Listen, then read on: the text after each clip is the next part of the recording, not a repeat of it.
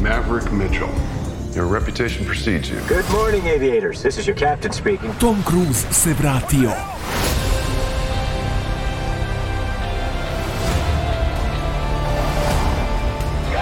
Top Gun Maverick u bioskopima od 25. maja. Ćao svima i dobrodošli u novo izdanje Lab 76, dobrodošli u izdanje broj 204. Ušli smo u drugi vek podcasta Lab 76, čekamo da obeležimo 100 godišnicu, ali naravno tu kada su vekova u pitanju večiti drugari.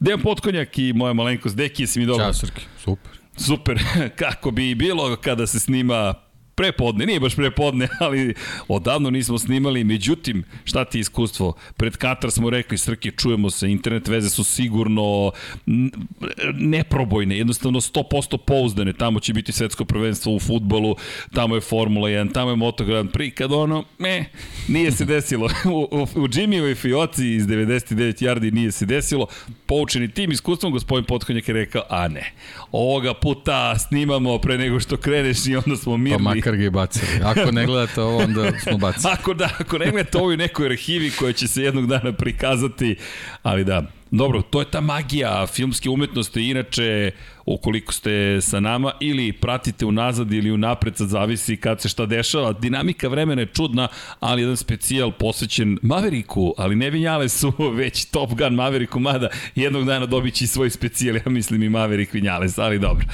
Da, to su neka ta čudna pitanja. Da li je Tom Cruise, Tom Brady i filmske industrije, ali ostavit ćemo to, to, jest, to se već desilo negde u ne znam kom vremensku instanciji, ali se desilo, ali mi smo ovde večeras zbog Moto Grand Prix-a i mi smo ovde zbog Muđela, magični Muđelo. Pre nego što krenemo, samo da vas pozovem na životnu magiju, budite dobri jedni prema drugima, volite se, mazite se i pazite se, udarite like, join, subscribe, nisu to uzemno povezane stvari, ali eto, naš ćete obradovati, a kao što sam i rekao u Formula 1 podcastu, crvena boja kao nagrada, kazna, ne znam ni ja, neko je tražio, više ljudi je tražilo, da ne spominjem više Nikad.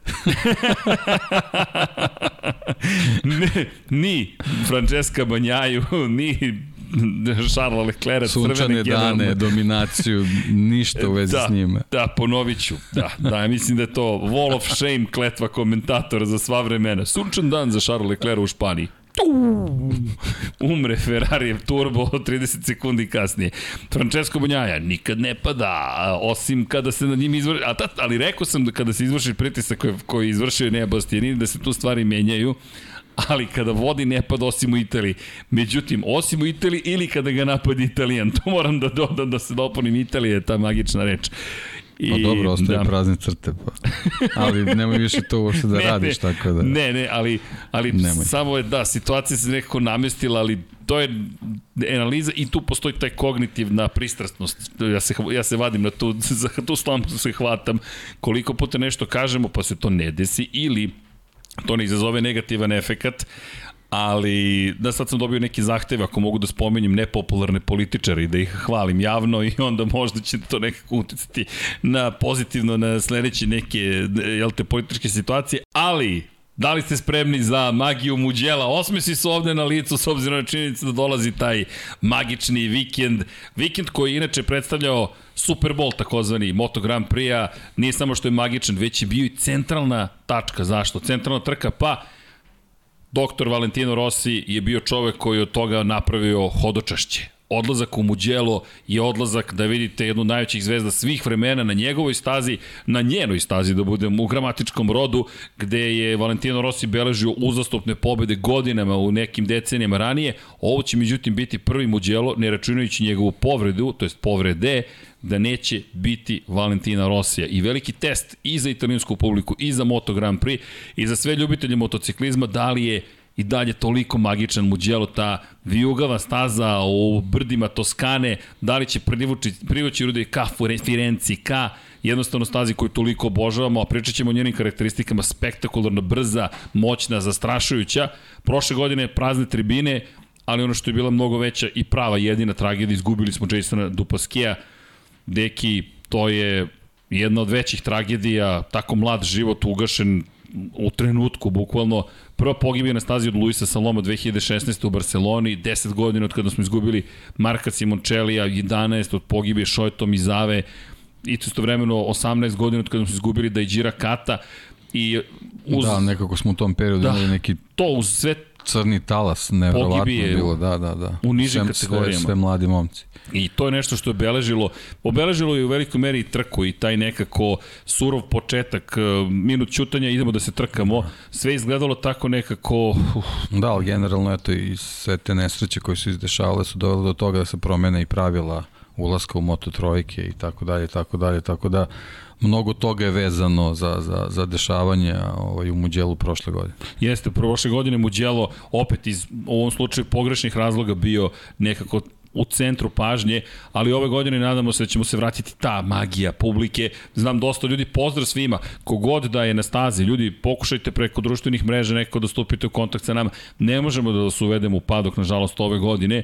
Možda nešto se desi u poslednji čas, ali za sada zvanična informacija koju smo dobili od Dorne nema gostiju tog tipa, jednostavno samo oni koji imaju direktnu profesionalnu vezu sa nama mogu trenutno da uđu u padok, vrši se takozvana profesionalizacija zone, iskreno mi smo izneli mišljenje, rekli smatramo da nije top taj put, ne treba da bude ekskluzivno, treba inkluzivno, ali to je sad neka opa borba s vetrenjačama, vidjet ćemo šta će se desiti. U svakom slučaju, kogod daje u muđelu, mi vam pre svega želimo lep provod. Ukoliko bude padala kiša, Spremite kabanice, čizme, spremite se, bit će blatnjavo, ali će biti uzbudljivo i to je možda najveći problem za ovaj vikend. Sve je nekako savršeno, ali ukoliko bude padala kiša, voleli bismo ipak da je ne bude. Publike nije bilo 2019. 2020. ovde nismo vozili, došla je Formula 1, neverovatno, ali smo propustili trku u Muđelu u Moto Grand Prix 2020. u sred COVID-a.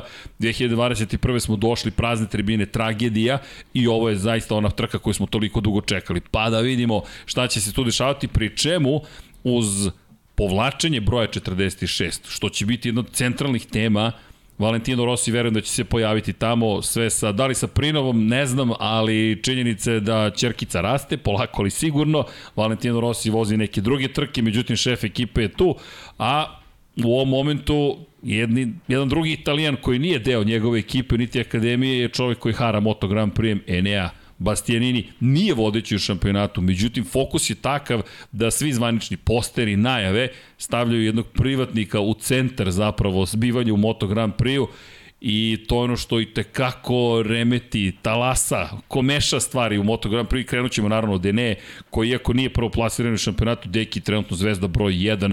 Stižemo u Italiju posle one spektakularne pobede u Le Manu.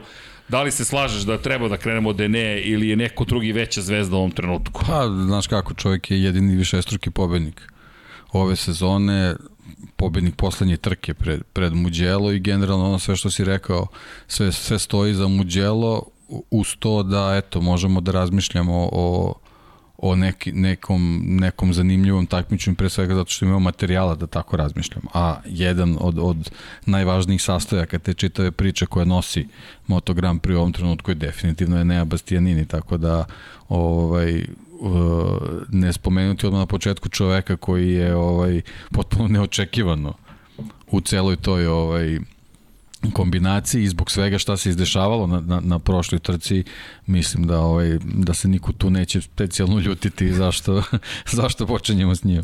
Da, prošle put smo pričali da li je 23 novi 46. Novi 46 neće postojati u ovoj u kraljevskoj kategoriji, penzioniše, povlači se broj I moram da te pitam za tvoje mišljenje o tome, izneću i moje naravno, ali baš me zanima kako, nismo pričali o ovome, nismo, kakav da, je stav. Da Da. Zanima me, kakav je tvoj stav prema povlačenju brojeva u Moto Grand Prix ili Formuli 1? Pa dobro, to je opet neka vrsta amerikanizacije sportova. Mislim, to mi onako jednostavno smeta u smislu da neko treba da prati svoju tradiciju. Apsolutno nema razloga da se to sad nešto ovaj diže na neke druge nivoje. Opet sa druge strane ovaj, e, zbog svih možda tih propusta koji su se dešavali prošle godine u godini kad je trebalo da se obeleži taj odlazak Valentina Rosija, ovo je možda sad neki eto dodatni način da se sad to malo malo produži i da da Daješ da duže ideju. traje. Da, Daješ mi da, ideju. Ajde. Izvini, moram da iskoristim. Ajde, ajde. Mislim da smo pričali o ovome, ali ovo je zvanični program Velike nagrade Valencije. Na njoj je John Mir. A ovo je poslednja trka u karijeri Valentina Rosija. Apropo Da. propuštenih prilika. Da, tako da ovaj eto to je to je et, naveo si možda eto jedan od razloga zbog koji možda i Dorna uviđa i jednostavno eto na, na taj način su sad pokušali da, da, da produže tu priču s Valentinom Rosijom pošto videli smo od početka sezone mislim tribine i dalje barem 50% tribina je obojeno žuto tako da a, čitava organizacija koja organizuje Moto Grand Prix verovatno sad u stvari tek uviđa koliko koliko Valentino Rossi značio šampionatu i ne mogu da kažem koliko nedostaje, čovjek je ipak u godinama u kojim i potpuno Šta ne bi, sad? ne, bilo Mada, bi vrlo sebično da se mada, očekuje. rezultati. Da, da, to smo i prošle put pričali, u stvari pričamo od početka sezone da rezultati Valentina Rossi u prošle godine izgleda uopšte nisu bili tako loši. Da, pa kada sve... U odnosu na, na, na momke koji sada ovaj, voze, da kažemo, njegov motocikl. Ali mislim da si ti rekao, izvini, nešto savršeno. A to nije samo Valentino Rossi kao čovek, već Valentino Rossi kao pojava, okej, ali više od toga, kao proizvod, sobstveni proizvod, e, taj moment, sobstveni proizvod, nije on proizvod, on je čovek pre svega, ali ako pričamo o marketingu, o zvezdi zvano i Valentino Rossi, on je taj koji je stvorio sebe u svakom smislu te reči. To je ono što je meni genijalno kod onoga što si ti rekao i, i tvoje obzervacije nije Dorna napravila mašineriju kao što to radi NBA, kao što je Stern, da, David Stern to radio sa NBA, ili drugi sportovi, američki ili može i evropski, koji su gurali svoje zvezde. Ne, on je sebe gurao kao zvezdu i vukao sport sa samim sobom. Pa, eto, kad se već spomenuo NBA, ja, ako smo prošli put pričali o 23 i, i 46 eto, m, poređenje s Michaelom Jordanom. Michael Jordan je jedan od najvećih sportista svih vremena, al- ali Michael Jordan je rastao paralelno sa NBA-om. To jest NBA je znao kako da iskoristi Michaela Jordana, Nike je znao kako da iskoristi Michaela Jordan, a nije obrnuto bilo. Valentino Rossi morao paralelno s trkama mnogo energije da troši zajedno sa svojim timom da, da se postavi tu gde je, a taj šampionat u kojem je bio samo u stvari treba da bude srećan što ga je imao i što ga je što je on u stvari u stvari ne znam ni na koji način je i, i na, na, koji, na koji limit je podigao Moto Grand Prix, pošto sad vidimo da to baš i nije ovaj, nekako u skladu. Tako da ovaj što se tiče tom, tog samo povlačenja tog broja, eto, to ja vidim samo eto kao još jednu priredbu, da kako, tako kažem, jedan spekta, spektakl, pošto stvarno ne vidim u nekom skorijem periodu vozača koji će smeti da se usudi da, da ovaj, na svoj motocikl stavi, stavi broj 40, 46, opet sa druge strane ne vidim ovaj, zašto bi bila prepreka da neko u nekoj budućnosti konačno ponese taj broj da ga, da ga s pravom stavi kao što eto, ako smo već spomenuli Michael Jordana koji je već neku NBA ligi mogao da nosi 23 bez ikakvih problema i da, i da bude dobar sa tim brojem, zašto, zašto ne bismo dobili i, i nekog momka koji će u nekom, nekoj, nekoj budućnosti da puni stupce baš zato što je uh, dobar i kvalitetan sa brojem koji je nosila legenda motociklizma. Me, me moram ti priznati da, da slažem se s tobom. Moj, Ali opet, nemam ništa protiv, mislim, sve okej, okay, nije... Da, nije a priori, ovo Nije, nam da, se da, ne da, dopada da. toliko da Da. sad od toga se pravi ne, puno. ne, ne, apsolutno ne. Samo konstatacija, ponovit ću to, pričam non stop. Prva stvar, Valentino Rossi je rekao, mislim da nema potrebe da se povlači moj broj. To je prva stvar. Čovek koji je ta živa legenda je rekla, daj čovjek je rekao, nemojte to da radite. Važi, hoćemo. O, ok, šta god. Bukvalno šta god. Ovde, znate gde se pojavlja Valentino Rossi prvi put? Pojavljuje se ovde i manje više poslednji put na sadržaju. I to se pojavljuje kao još jedna fotografija. I to je to. I to je to bukvalno. I onda strana 46, što je lepo, je priča o Valentinu Rosiju. I to bi bilo sve. Dakle, i to je to. I sad, apropo ove cele priče, Valentino Rossi je rekao nemojte, zatim Nikolo Bulega, ja stalno ponavljam, koji nekada bio član Akademije Valentina Rosija, je u juniorskoj konkurenciji sa brojem 46 osvojio titulu.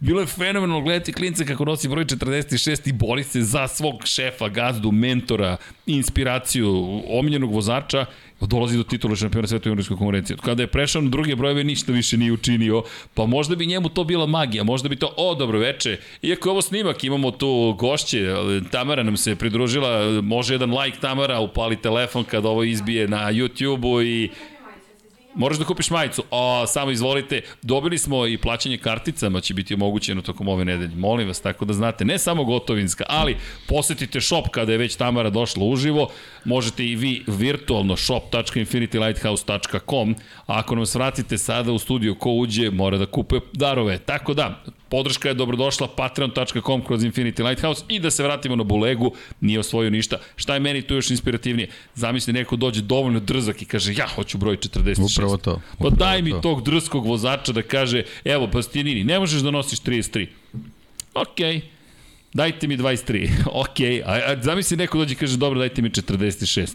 Pa to je spektakl da ga gledate cele sezone durbinom, pa neka ga i prozivaju, ali zamislite ako pobedi sa brojem 46. Ja mislim da bi Rossi prvi došao i rekao evo ruka. Bravo. Ali ide u penziju broj 46, Povučeni su još neki brojevi, uglavnom vozača koji su izgubili živote, čak ni to mi se ne dopada toliko zašto. Zamislite Amerikanca koji dođe i kaže dajte mi broj 69, jer Niki Hayden živi sa mnom, to je legenda koja živi. Da je Giro Kato, ista priča, daj mi broj da je Gira Kata, daj da ja budem taj koji će to da nosi. Meni je to mnogo lepo. Kada vidim Ivana Ortolu sa brojem 48 u Moto Trojkama, meni ozarim se što, što nekako Šojatom i Zava je ponovo sa nama. Ali dobro, to je neka druga priča. Činjenica je da će to biti jedan od glavnih događaja i mi ćemo se potruditi da vam prenesemo informacije sa lica mesta kada se to bude događalo i ovo što je Deki rekao, to je takođe mamac da se dođe i ponovo priča o Valentinu Rosiju i ovo što si lepo rekao, 50% gledališta, gledališta i dalje u žutim bojama Valentina Rosija i dalje se prodaje najviše njegove robe zvanične. Inače, u Tavulji njegovoj rodnoj se gradi novi super mega giga store na tri, na tri sprata, ne znam šta rade, ali sad ima slobodnog vremena da se time malo više bavi, pa eto, tako da znate. U svakom slučaju, Rossi opet će biti delimično, ne delimično velika zvezda, ali glavna zvezda jeste Enea Bastianini, čovek koji je nekako uzeo, što kažu, bacio throw the spanner into the works. Da, u stvari sačekat ćemo da vidimo da li će Neja Bastianini da Tako je. bude glavna zvezda, zato što će pre svega publikom u djelu to da, Da kaže. Da kaže. To je Njihova, test. njihova je poslednja. Da. Njihova je poslednja. Boje verujem da će dalje biti žute, ali pozdravi kome će pripasti, da. Ali i to je i bitka za srca Italijana. Zato, zato je ovaj, priželjkujemo lepše vreme, zato što nekako onda će Pravo biti trkanje. i bolja atmosfera i bit će više, i više ljudi. Mislim, ne, ne verujem da, da, da će sad biti nešto drastično manji broj zbog kiše, ali generalno ovaj, mislim da, da, da ta čitava priča oko toga ko, ko treba tu sad da ponese ovaj, teret te, te slave u Moto Grand Prix-u će u mnogome zavisiti od, od trke koja nas očekuje. Evo sad gledam najnoviju prognozu, kažu u petak suvo, u subotu kiša, u nedelju suvo. Ok, držimo palčeve, ali kažem, ko ide da kampuje? General admission, bilo je puno pitanja, vam dozvoljava da kampujete u okviru same staze. Zašto je to važno u Muđelu? Zapravo pričamo o San Borgo e Lorenzo, dakle pričamo o suštini, suštini jednom malom mestu pokraj Firence i niste blizu grada, niti su konekcije sa gradom tako dobre kao u Barceloni. Ista je razdaljina od Muđela do Firence, ali ta, prevoz je daleko od toga. A inače sad u Formuli 1 u trci je katastrofalna bila organizacija saobraćaja. Formula 1 se bunila 278.000 ljudi tokom 3 dana, to će isto biti test za Muđel. Da li ćemo imati 278.000 ljudi u Barceloni tamo za 10 dana, direktno poređenje i sada u Muđelu koliko ljudi će doći. Tako da, mnogo tih zanimljivih priča, a zašto kažem za Eneu, lepo si rekao, vidjet ćemo da li će biti ta zvezda, ali se se postavio se dobro i ono što je uradio, poremetio je mnoge planove. Deki, on je onaj pravi, hajde, Maverick, on je Maverick pravi, on je onaj koji ko ovan uleteo i bum, razbio kegle. Zašto? Ljudi, on je glavobolje za sve. Ako pobedi, nije fabrički vozač Ducatija. Ako pobedi, ne prodaju se majice jer ih nema, nisu proizvedene njegove majice, nema kačketa, Ako pobedi, on je privatnik, šta sad s fabrikama? Ako pobedi, ne možete čak ni političku igru da igrate protiv njega, zašto? Fausto Gresini da je još uvek živ, sa Faustom možete da vršite pritisak. Zamislite u Italiji da napadnete udovicu, majku, Nađu Padovani koja je plakala posle prve trke da kažete idemo u političku igru protiv Nadije. Ne, ne, ne, ne, ne. Tog filma nema. Sada svi zajedno moraju da smisle šta da radimo dalje. I ne kažem da, da je iko protiv na ličnom nivou, je ne. Samo to nije bio plan. Nisi ti planiran da osvojaš titulu za bilo koga. Plan je bio Francesco Banjaja, Fabio Quartararo, Mark Marquez. To su ljudi koji su na igrici. Nema ovde privatnika na igrici. Nema, on veliki sponsor. Ko je tvoj sponsor? Nemam pojma. Aldo Drudi mi je dao boju. Tako da je ovo fenomenal. Za mene je ovo fenomenal. Pravi je pirat, pravi je nekako onaj što ruši klasični sistem. Outlaw. Outlaw, baš je odmetnik, Josie Wells. baš je Nea Bastianini. Pritom, kažem, ima jednu zanimljivu političku Takav zaštitu. Takav utisak, a generalno nije takav dečka. A on sedi i kaže, pa ne, nisam više ja beštije, šta vam je, samo kad moram. Videli smo što nisi, samo kad moram, u krivini broj 2 u Lemanu. Ali eto je, Nea Bastianini, 8 poena inače iza vodećeg u šampionatu sveta Fabio Quartarara, 4 poena iza drugoplasiranog Aleša Espargara. Dakle, jedan Ducatijev privatnik na Gresinijevom motociklu, to je potpuno nestvarno, tri pobede ove godine. Ej, danas pričam, ajde da te pitam, ako možemo metriku da damo nekoj priči, Pričam sa jednim velikim navijačem, pozdrav za Ivana, koji će inače ići spava u kampu, hoće da doživi taj muđelo. Inače, u kampu, vodite računa u svakom kampu, ljudi dugih prstiju se pojave, pogotovo kada najmanje očekujete, tako da svoje vredne stvari držite u sebe. Koliko god je predivna atmosfera, dovoljno je... Kriza je. o, I to između ostalog, a i dovoljan je jedan loš da napravi opštu pometnju. Tako da, ili loša, tako da ne budemo rodno neravnopravni. Dakle, nemojte tu da nasadnete na priču. Dođe simpatična devojka i čao, nestale stvari. Dakle, vodite računa jednim drugima, držite se zajedno. Mi spremamo zastavu Lab 76, gde ćemo da je pobodimo, nemamo pojma, ali ćemo vas zamoliti za pomoć. U svakom slučaju, kada je reč o, o, o, o muđelu iz, iz, ajde da kažem, perspektive cele ove priče, dakle, jednog privatnika, Italije, svega što se događa, deluje da će biti onako uzbudljivo, što kažu. Ajde, međutim, Ima tu još priča. Enea Bastianini je, da kažemo, napravio jedan ozbiljan poremećaj.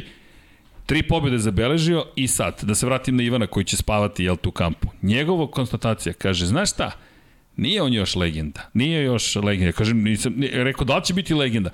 Kaže, kada zabeleži osam pobjeda po sezoni, Ja kažem, ok, da li je tebi to neka metrika, da tako kažem, osam pobjeda u sezoni moraš da zabeležiš da bi bio legenda. E, svidelo mi se, svidelo mi se razmišljanje, zbunilo me, nisam razmišljao nikada po broju pobjeda, možda navika.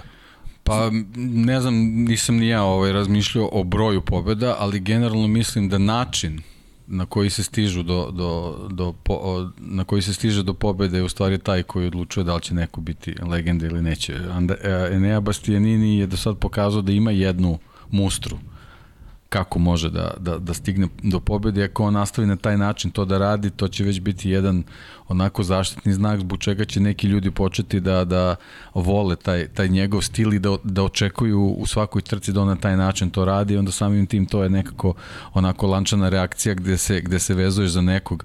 Znaš, ono kao kad, kad milion puta slušaš neku pesmu, možda ti se nije dopala na, na, na prvo slušanje, ali što je više slušaš, za tebe je sve veći hit. Tako da, ako, ako, ako uspe na taj način da nastavi da, da, da ovaj, beleži pobjede, to možda, možda će to biti jedan korak ka tome da, da bude ovako uh, kako bi rekao vozač koji se izdvaja od ostalih legenda, to je onako baš, baš jaka reč, tako da, da, da mnogo, mnogo to treba vremena da Ali, proći. znaš šta mi je zanimljivo? Korelacija. Razmišljao sam o sledećem i, i slažem se, do legende da, dalek je pot. Inače, stil, ako te ja dobro razumem o kojem pričaš je sledeći. Da citiram našeg prijatelja Gorana. Goran koji me zove kaže, slušaj Srki, da ti ja nešto kažem. Ako je Nea drugi u poslednjoj trećini trke, nije pitanje da li, već kada ćete napasti. Tako je. I to je suština cele priče. Tako to je taj Rosijevski metod, gde on bukvalno analizu vrši, prva, prva, prva trećina, kao da je podelio bukvalno po trećinama, prva trećina starta bude dobar da izbegnemo gužu, da ne potrošimo gume, da se stabilizujemo i onda prati. Aha, niko ne beži napred, nema potrebe da budemo agresivni. Aha, neko počinje da se odvaja, pretičem, pratim, pretičem, pratim i dolazi do druge pozicije i onda čekam. Dobro, da se razumemo, moraš da imaš motocikl koji ti to omogućava. Apsolutno. I kvalifikacije da odradiš tako dovoljno je, dobro da gume ne potrošiš dok dođeš tako. do onih vodećih. E, sad tu je taj moment vezan za Mugello i ogroman teza je Neo Bastianini. Prošle godine je situacija bila situacija. više nego čudna, ali situacija je vezana za sam start. Uh, uh, prethodni dan nije to baš sve funkcionisalo kako treba. Tako da to će sve da bude veliki, veliki test za Eneo. Ono što se desilo na, na kako kažem, pred start trke, I onako jedna, krug. jedna bizarna situacija koja je ono, bukvalno nas je to sad iz ove perspektive apsolutno uskratila za, za saznanje šta je Nea može da uradi u muđelu. On se zakucao bukvalno na početku, ljudi zauzimate startnu poziciju, imate prvi krug, došli ste, tu su mehaničari i onda kreće krug za zagrevanje. Krug za zagrevanje se završava vi dolazite Enea Bastianini, od koga očekujemo nešto, Novajlija ipak u Italiji, prednji kraj se zabode, podigne se zadnji, udari, i sad šok šta se desilo Zarka sa. Bešao, Zarka, da. zakačio i kraj trke. Nije ni počelo praktično kraj trke, a u Mizanu smo videli kada se popeo dva puta na pobedničko postolje koliko brz može biti na domaćem terenu. Mada, što kažu, u Mizanu se rodio, iako su staze relativno blizu, u Mizanu živi u Da, i diametralno suprotne tipovi staze, da, priče, da, tako da, tako da, je. Da, da. Ali u svakom slučaju nismo dobili taj odgovor. I još ova priča o pobedama. Pazi sad ovo, razmišljam Ko je poslednji čovek koji je imao osam pobjeda? Mark Marquez. Ko je poslednji čovek pre Marka Markeza koji je imao osam pobjeda? Mark Marquez. Ko je pre Marka Markeza, vrtećemo se u krug dok ne dođemo do Jorge Lorenza. Pre toga, Casey Stoner. Pre njega, Valentino Rossi. I razmišljam, Casey Stoner je 2006. 7. 8. možda izjavio, ne vidim više da će Iko pobeđivati na 8 ili više trka. I onda je 11 puta pobedio te godine. Ali znaš šta neki? Višestruki jedini pobednik. Tri pobede u prvih 7 trka. Ako ovako nastavi, pazi, sad dolazimo do jednog vrlo zanimljivog terena. Pet pobjeda je imao Fabio Quartararo prošle godine. Četiri imao Francesco Banjaja. Tri godine imao Fabio 2020. Tri imao i Franco Morbidelli kao vice šampion. Šampion je imao jednu. Međutim, kao da se, što kažu, priroda se vraća u svoje normalno stanje. Hoćeš da budeš šampion? Moraš i da pobeđuješ. Tak, tak, takav mi utisak, a Enea to čini. E sad, Enea na mana je nezavršene trke ili loše završene da. trke kada pa, ne dobro, pobeđuje. generalno, sad, sad možemo to tako da gledamo, ali jedna od loših trka je bila na Indonezija, tako da to je sad nešto gde, gde sad ne možemo sve da gledamo Jasno. Ili tu na kraju kraja pobedio i Miguel Oliveira, koje ne vidimo nigde. Znači, da ta trka onako baš Izuzetno. možemo nekako da je izbrišemo, pri tom on je imao odličan napredak do, dok trenutka dok nije napravio grešku i, i veliko je pitanje da, da, da, da nije taj, tu, tu, taj, taj sitan kiks napravio koji je prilično ovaj poremetio u, u, u, u redosledu ovaj i tu bi bilo dosta bodova tako da bi sad situacija na tabeli bila drugačija ali nebitno desilo se. Znači moraš i na takvim trkama koje su ovako prilično nezgodne i nepredvidive moraš i tu da, da, da ostvaruješ kvalitetne plasmane tako da eto to su neke situacije gde, gde osim tih padova naravno gde on, on je još uvek očigledno vozač koji mora da traži neke limite i da upoznaje limite ponekad se to desi na, desi na teži način pa se desi pad, ovaj, ali generalno ovaj, uh, neka umerena konstantnost uz pobede na stazama gde, gde to može da se ostvari stvarno može da bude uh, da može da bude odličan rezultat. E sad to je ono što ja od početka sezone spominjem i nadam se da neću biti u pravu u nekom trenutku, to je ekipa. Sve, svi momci koji si naveo, koji su, koji su ovaj mnogostruki, da ne kažem višestruki, ovaj pobednici su bili u fabričkim ekipama koje vrlo dobro znaju kako da izguraju čitavu sezonu. Ova situacija u kojoj se nalazi Gresini nije možda njima nepoznata, ali generalno na ovom nivou a, na ovaj način da imaš jednog vozača koji gura kroz sezonu u sezoni koji ima trka koliko ima, što se što ranije u tom nekom periodu čak i sa tim vozačima koji se spominjao nije nije bio slučaj, ogroman izazov ne samo za za Eneo nego nego i za čitav Gresini, tako da neće samo njegov faktor da bude tu mnogo bitan, a njegov faktor je osim osim kvaliteta vožnje izuzetno važna važna stvar je i fizička priprema. Ti, ti ćeš bukvalno morati da budeš u formi do novembra. Tako da ima tu, ima tu mnogo, mnogo stvari koje koje dovode pre svega je neu iskušenje, dovode Gresini, ali generalno dovodi čitav grid, tako da nisu samo oni u tak, takvoj situaciji, svi, svi će biti u istom, u istom košu, u istoj priči, tako da ovaj, to vuče ka, ka toj nekoj zanimljivosti, opet sa druge strane ne treba u ovom trenutku možda previše očekivati od njih, nego jednostavno pustiti da, da to teče i da vidimo dok to može sve da dovede. Znaš zašto će Neja Bastianini biti šampion sveta? Zato što na Instagram stranici Albixa... Zato što ti nosiš crvenu majicu. Tako je. Znao mi je Ducatijevi fabrički navijači, ali Wall of shame, ne vredi. Sunčan dan, ne mora to mora bude Španija, to mora bude majica. Sunčan dan za Šarla u Španiji. Jezivo. Ali da, ali da, dobro, hvala deki. to će, ne, mislim da će me to zaista pratiti. U momentu kada se desilo, tum, rekao sam, ok, ovo, ovo te obeležilo, džaba ti 15 godina komentarisanje. Ovo je onaj dan. Možeš broj da povučeš odmah. da, 76 ide u vis. Elem, zato što na Albixovom Instagram profilu Alberta Giribuole piše maksimum effort. Ako se setite majicu koju smo izdizajnirali nikad objavili za Maxa Verstappena, rekli smo maksimum effort. I piše kod čoveka maksimum effort. Ja iz perspektive toga da ekipa može da izgura i da navigira lepo kroz lavirint zvani Ducatijeva korporacija, Alberto Giribola je meni ključni u toj igri. Ne kažem koliko god da se negde i šalim i ne šalim, ali Alberto Giribola je prošao mnogo toga. Znači, dalje mlad čovek je veoma u pitanju. Neko koga ste mogli da vidite i na pobedničkom postolju koji je pio iz, iz, iz Benejne čizme u Lemanu. Ja tu gledam čoveka koji bi mogao da ima dovoljno iskustva da pomogne ekipi da izdrži ovu godinu. Jer nije ovo tim koji može da stvara šampione. Mislim da je ovo Ital Trans Moto Grand Prix.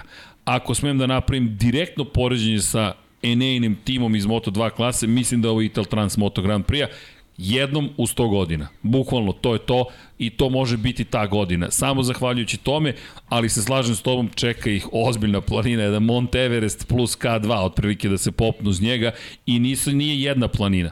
Nije to samo ironije, on vozi za Ducati, ali on je protivnik Ducatija. To je to je ono što je Apsolutno. bizarno u celoj ovoj situaciji i idu u Italiju.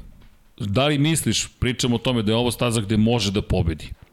Zaista ne znam stvarno ovaj, po nekim prethodnim izdanjima iz niže kategorije jednostavno ne možemo da naslutimo uh, da uh, da će biti uh, potpuno spreman da na maksimalan način izveze ovu trku jednostavno ne, ne postoji ne postoji Jasno. formula po kojoj možemo da da nešto izračunamo i zaključimo ovaj posebno zbog toga što si naveo mi ćemo bukvalno svaki svaka od ta tri dana imati različite vremenske uslove najverovatnije Tako da to je, to je ovaj stvarno ogroman izazov za njega, ali generalno formu u kojoj se nalazi i, i, i taj motocikl koji je, koji je jednostavno u, u, u, u ovaj, uh, poslednjem periodu na, to, na toj stazi ovaj donosio donosio uspehe vozačima koji, koji su ga vozili jednostavno možda može da da da da nekako uh, jednostavno sve te elemente sklopi u priču da da ponovo bude uspešan, ali zaista ovaj ne bih mogao da tvrdim da, da, je, da je to to. Slušaj rezultate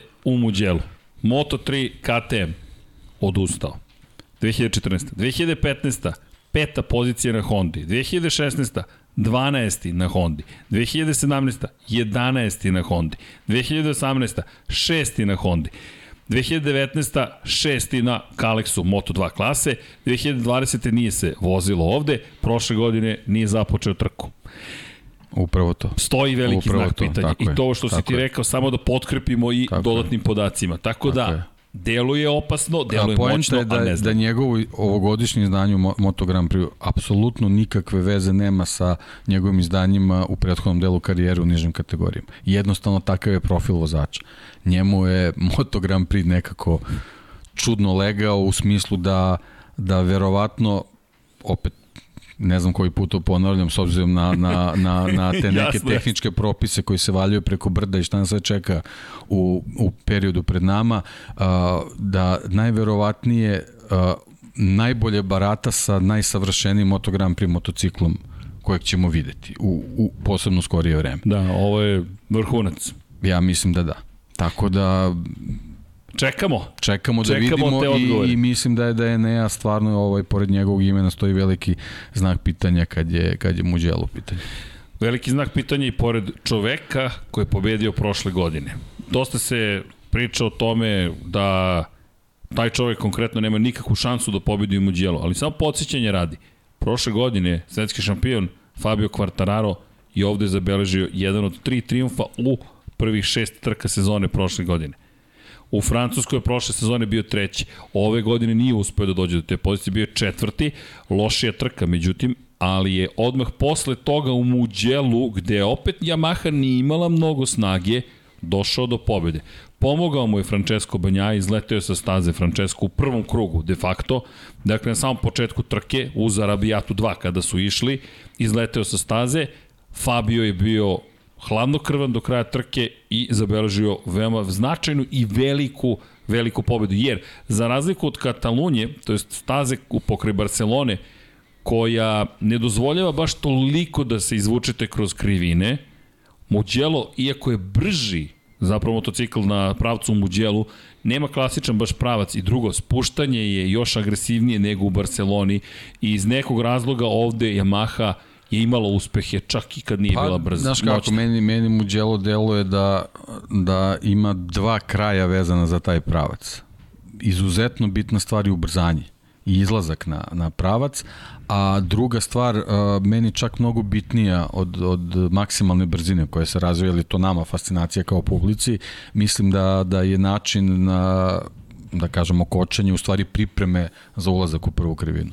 To su dve stvari očigledno koje uh, koje je Fabio vrlo, vrlo dobro savladao kao očigledno na, na većini drugih staza neke elemente koji drugi vozači ne mogu, to je očigledno njegova veličina, tako da ovaj, što se njega tiče ne bih uopšte obraćao pažnju na, na one tabele što nam izlaze vezane za maksimalnu brzinu i, i njihove verovatno poslednje pozicije dole.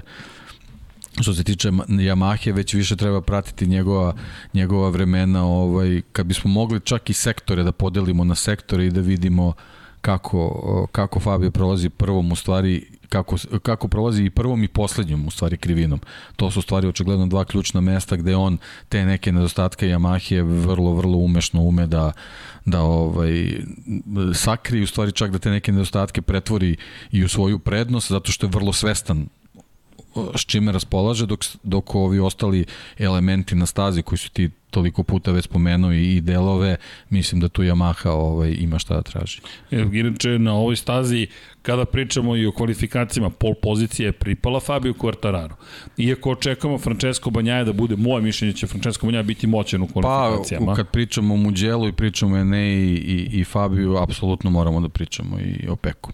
Pe, Peku, pogotovo ne, u kvalifikacijama. Neizostavna ličnost u, u najavi trke, mislim, u, u, u, u priči o prve tri vozača. I mislim da imamo Absolut. četiri ukupno, dodao bih uz Francesca Banjaju na fabričkom Ducatiju i fabričkog vozača Aprili koji je drugi u šampionatu sveta, Aleša Espargara, možda neće opet biti briljantan u kvalifikacijama, ali mislim da će opet njegovo, to ja to zovem sada Warp 5 mi je u glavi u poslednje vreme. Nema Warp 10, ali Warp 5 ne gasi.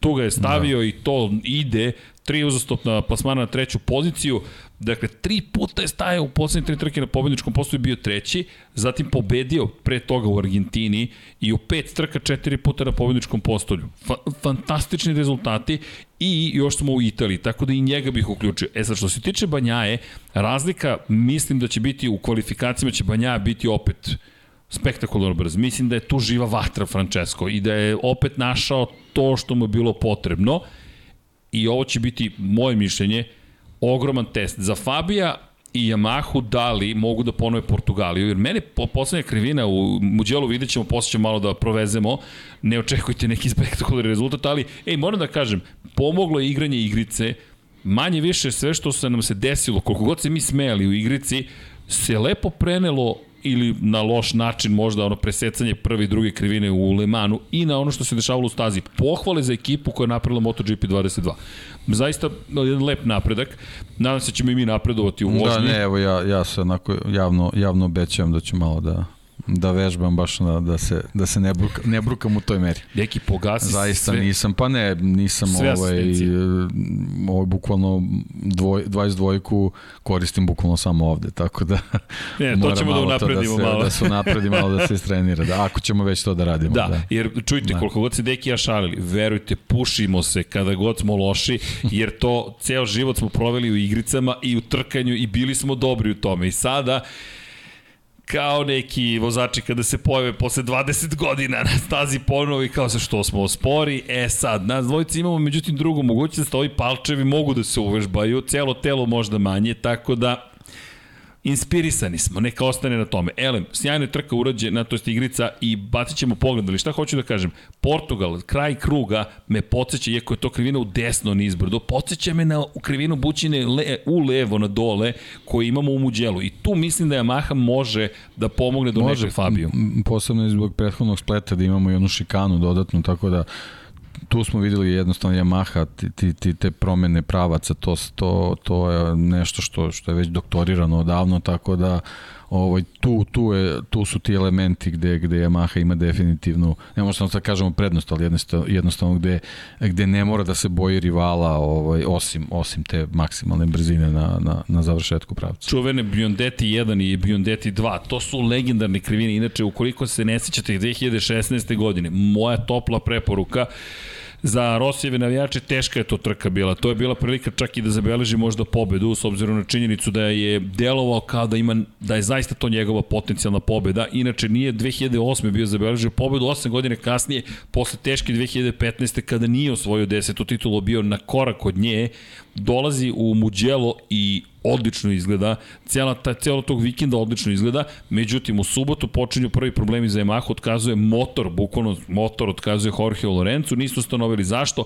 Isti problem se javlja, međutim Rossi u trci otkazuje na tom pravcu gde imate prevoj, ko planinski prevoj, poskoči praktično motocikl, se dizao zadnji točak od tla i Yamaha nije ugradila, ugradila blokadu zapravo sprečavanja odlaska u veći broj obrtaja. I u, bukvalno je došlo do oštećenja motora sa unutrašnjim zagrevanjem zahvaljujući tome što elektronika nije ograničavala broj obrtaja koji se postiže jer praktično nema otpora u tom trenutku, on se slobodno vrti i iz te perspektive obojci su izgubili motore, međutim za Rosija katastrofa pošto je motor izgubio u samoj trci, ali taj srceparajući moment je s druge strane zamenjen jednom spektakularnom bitkom između Marka Markeza i Jorge Lorenza i baš tu u Bjondeti 1 i 2 neki neverovatni potezi. Pomislite tu ne mogu da stanu dva Moto Grand motocikla.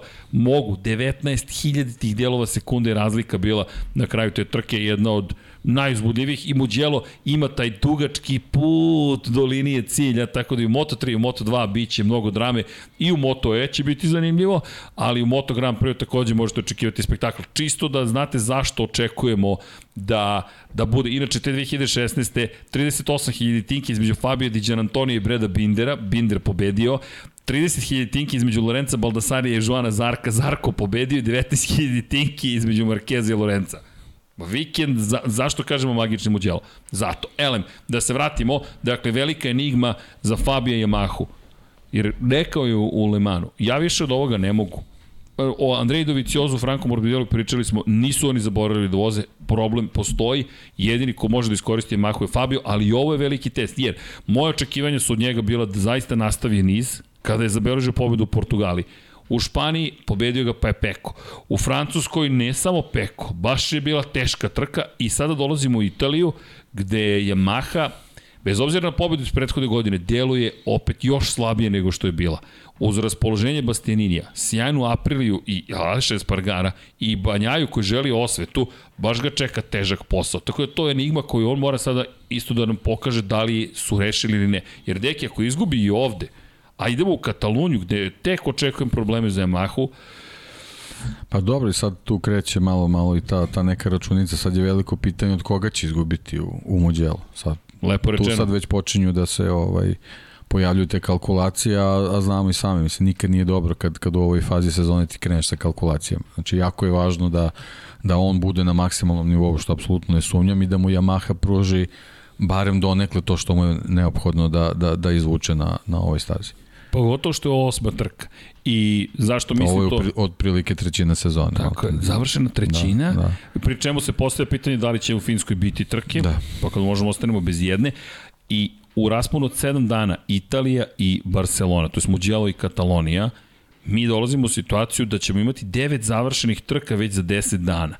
Tu smo već na polovini godine još ostaju Nemačka, Holandija i mi smo prešli prvu sezonu, prvu polovinu sezone, dakle, da vraćamo se opet Bastianini, ako ovde može da pobeđuje, to su sada već četiri pobede, 50% uspeha, u pobedama ti si u zaletu ovo što si rekao upravo, nema povlačenja, naprotiv ti da pun gas. Ti tek u Holandiji možeš da čekaš Yamaha ti pruži tehničku, tehnološku mogućnost da se boriš ravnopravno sa ostalima, što je mnogo daleko. To je mnogo daleko, to je 11. trka sezone.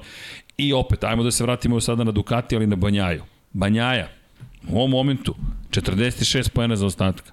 Ti sada ne možeš da kalkulišeš. Ti ne, ne znam gde je prostor više za kalkulaciju da kažeš ok, smanjio sam par poena u odnosu, u odnosu na koga? U odnosu na Kvartanara? Ili u odnosu na Espargara? Ili u odnosu na Bastianinija? Ti sada nemaš više jednog da, rivala. pa m, Peko se susreo s tim ono, baš nezgodnim problemom da u trenutku kad je on bio naoštren na samom početku godine, a znamo da, da mu je to mnogo važan period sezone koji treba da pro, po, prebrodi sa ovim rezultatima, Ducati baš nije sa 22-kom bio ovaj, potpuno načisto šta i kako i sad kako je taj motocikl profunkcionisao, mislim, činjenica je to, to moramo da kažemo pre svega zato što je i, i Miller tu, ovaj, jednostavno vozač je bio taj faktor koji nije nije doprenao tome da se prikupi ovaj dovoljan bod, broj bodova tako da ovaj tu tu je baš eh, velika klackalica kod kod kod Peka i sad je u principu na njemu da da da pre svega psihički čitavu tu situaciju prebrodi i da da iskoristi taj potencijal koji ima da da ostane u tom vrhu. Mislim da se u stvari približi vrhu pošto ipak nije po bodovima tu gde bi trebalo da bude. Aleš Espargaro, odmah da ga ubacimo u kalkulaciju. Deki, ako da. pričamo o, o konstantnosti, tri puta na pobedničkom postolju ove godine Fabio Quartararo. Jedna pobeda, dva druga mesta. Tri puta u sedam trka.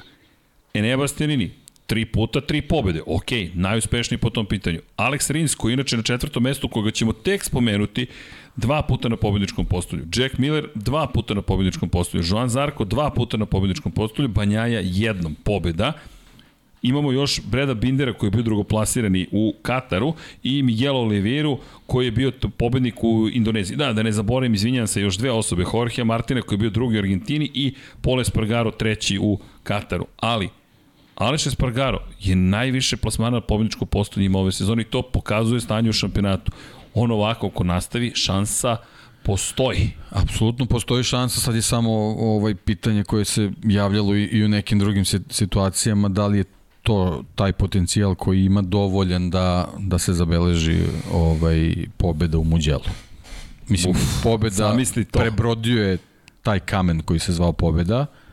To je to je prošlo, prošlo prošle su te neke dečije po- bolesti koje koje je Aprili imala i sad u principu samim tim što više nema status povlašćenih, to ti onako nekako jasna je matematika govori da i bilo kakav loš rezultat više nema opravdanja. Znači sad već postaje ta neka druga situacija koja može da bude mač sa dve oštrice, ali generalno apsolutno sve što se dešavalo ove sezone daje im za pravo da odlaze u Muđelu u Muđelo računajući da mogu da zabeleže pobedu. Ne, vidim, ne vidim šta može da bude neki zarez i neko ali u toj čitavoj priči. Ja veći zarez i ali vidim u Barceloni.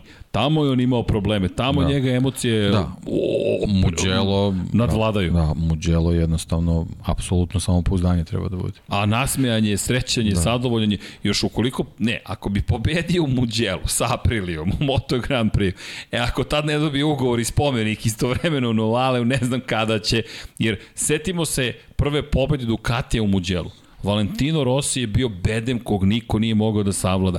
Tek kada je pala kiša, Tek kada je kiša stigla u Mugello je Casey Stoner uspeo na Ducatiju da zabeleži pobedu i čak i tad je postojala šansa Rossi da odbrani svoju nepobediv, svoju nepobedivi niz. Ti kada pogledaš Rossi, to je sada već zaboravljeno vreme, nezaustavljiv čovjek bio. Jednostavno to je pobeda za pobedom, za pobedom, za pobedom i mi pričamo o čoveku koji, evo, od 2002.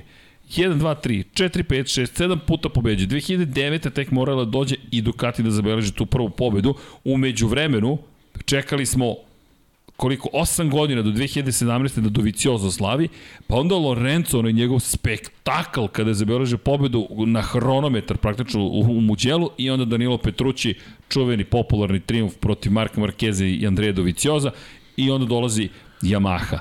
Aprilija čeka taj trenutak, čekala je uopšte pobedu i ukoliko bi ovde uspeo bilo bi Ma da, kao što nemamo Zaista. podatke nikakve za Eneo da bismo mogli da, da, da ga pro, prognoziramo, to jest da, da prognoziramo njegovu poziciju, tako je tako ne može ni za Apriliju. A, a, a nekako su identične priče. Enea je u dobroj formi, uh, Aprilija i Aleš su u dobroj formi, ali mi nemamo na šta se oslonimo da bismo mogli da, da procenimo kako je njihovo mesto u koordinatnom sistemu muđela.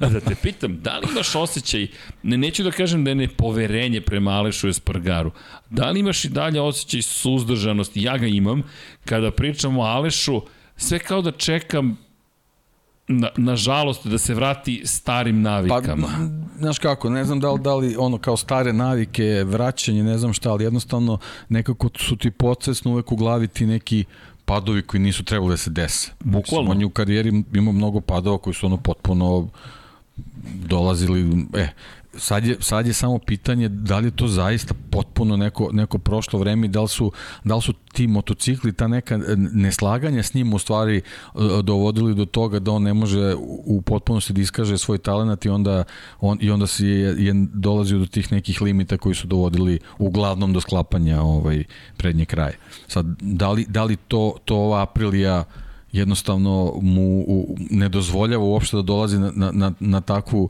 na takvu granicu pre svega zato što, što, što njene performanse u potpunosti odgovaraju njegovom stilu vožnju nema, nema razloga da, da, da na taj način ovaj, u, u, dovodi sebe u, u neke probleme. To, to, je, to je nešto što zaista do ovog trenutka nisam mogao da, da, da, da razlučim. Ne, ne mogu da, da budem sa, ono 100% siguran da su oni apsolutno ono, ono povezani u neki, neki zajednički fluid ili, ili će tu doći do, do, do nekih poteškoća. Jednostavno, to, to do sada zaista nisam vidio, mislim, pre svega mi je drago zbog toga što je tako, ali kažem, uvek, uvek negde tamo u, u malom mozgu to, Meni stoji, stoji to nešto, to kao gledaš čoveka koji vozi samo odjednom vidiš da je u šljunku, ne znam ni on zašto, znaš, ono, okreće se pa gleda, pa se hvata za glavu. Meni su te scene su mi ono, kao, kao da su neki nevidljivi gremlini, samo dođe i gurnu ga na 62 stepena i on se sklopi i ne znam. Znaš što je meni super?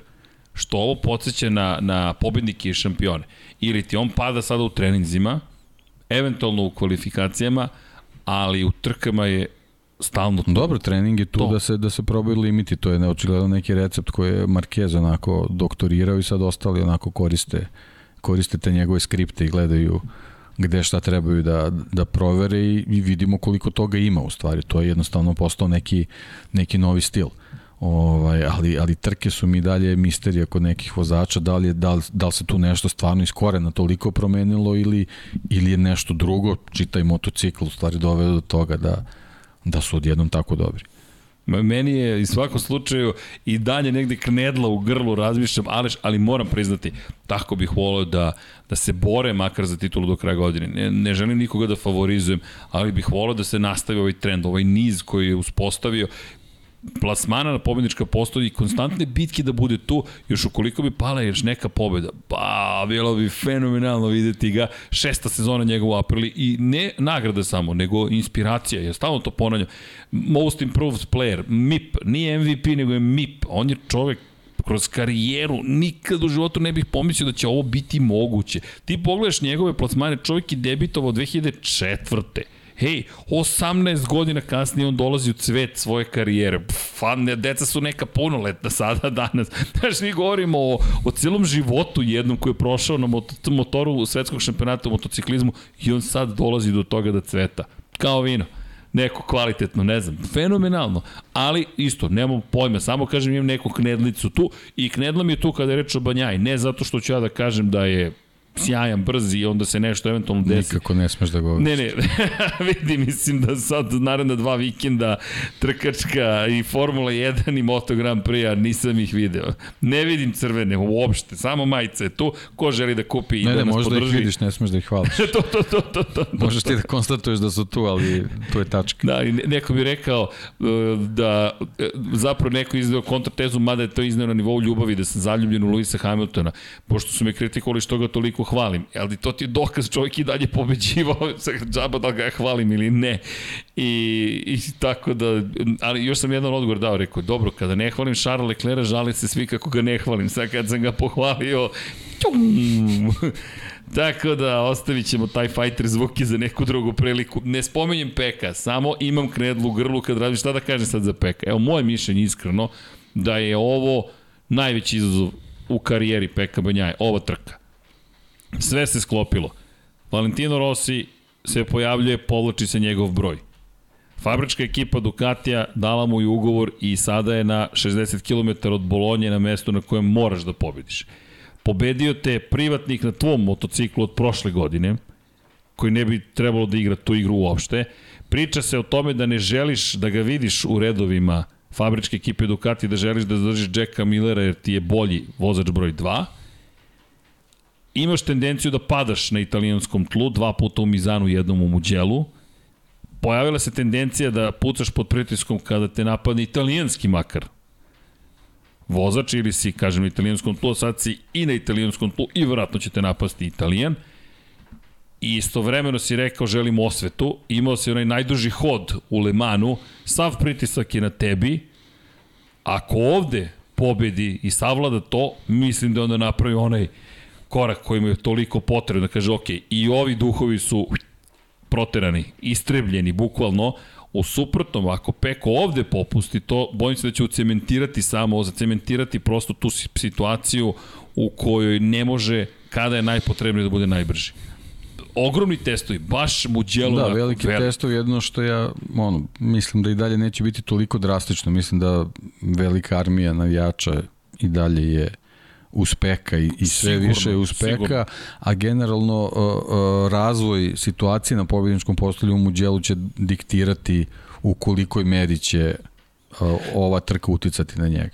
Ali to upravo, ako ovde dođe do pobede, na primjer, kakva je to pobeda. Ti si, sa, ti si nadvladao sve ovo što sam spomenuo i još pride Tako, a i ako ne pobedi, ovaj, e, mnogo će zavisiti od toga ko, je, ko su drugi vozači na, na podiju. Lepo rečeno. Tako da... O, magični muđelo. Pa da, pa Pazi, da. magični muđelo. Da. Naravno, nećemo zaboraviti mini ostale. Suzukijevci, Alex Rins, Joan Mir.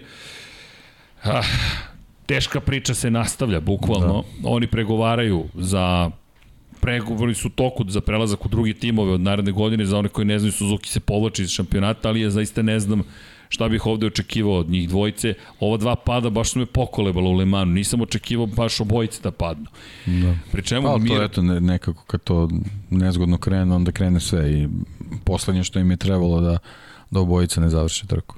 Baš se sve sklopilo. A Mir dva puta pada tokom jednog vikenda. Mir koji vrlo redko pada. Negde moj utisak je da je to traženje granice, apsolutne. Da. Pa to je ono izgleda što da radi ono što generalno ne radi.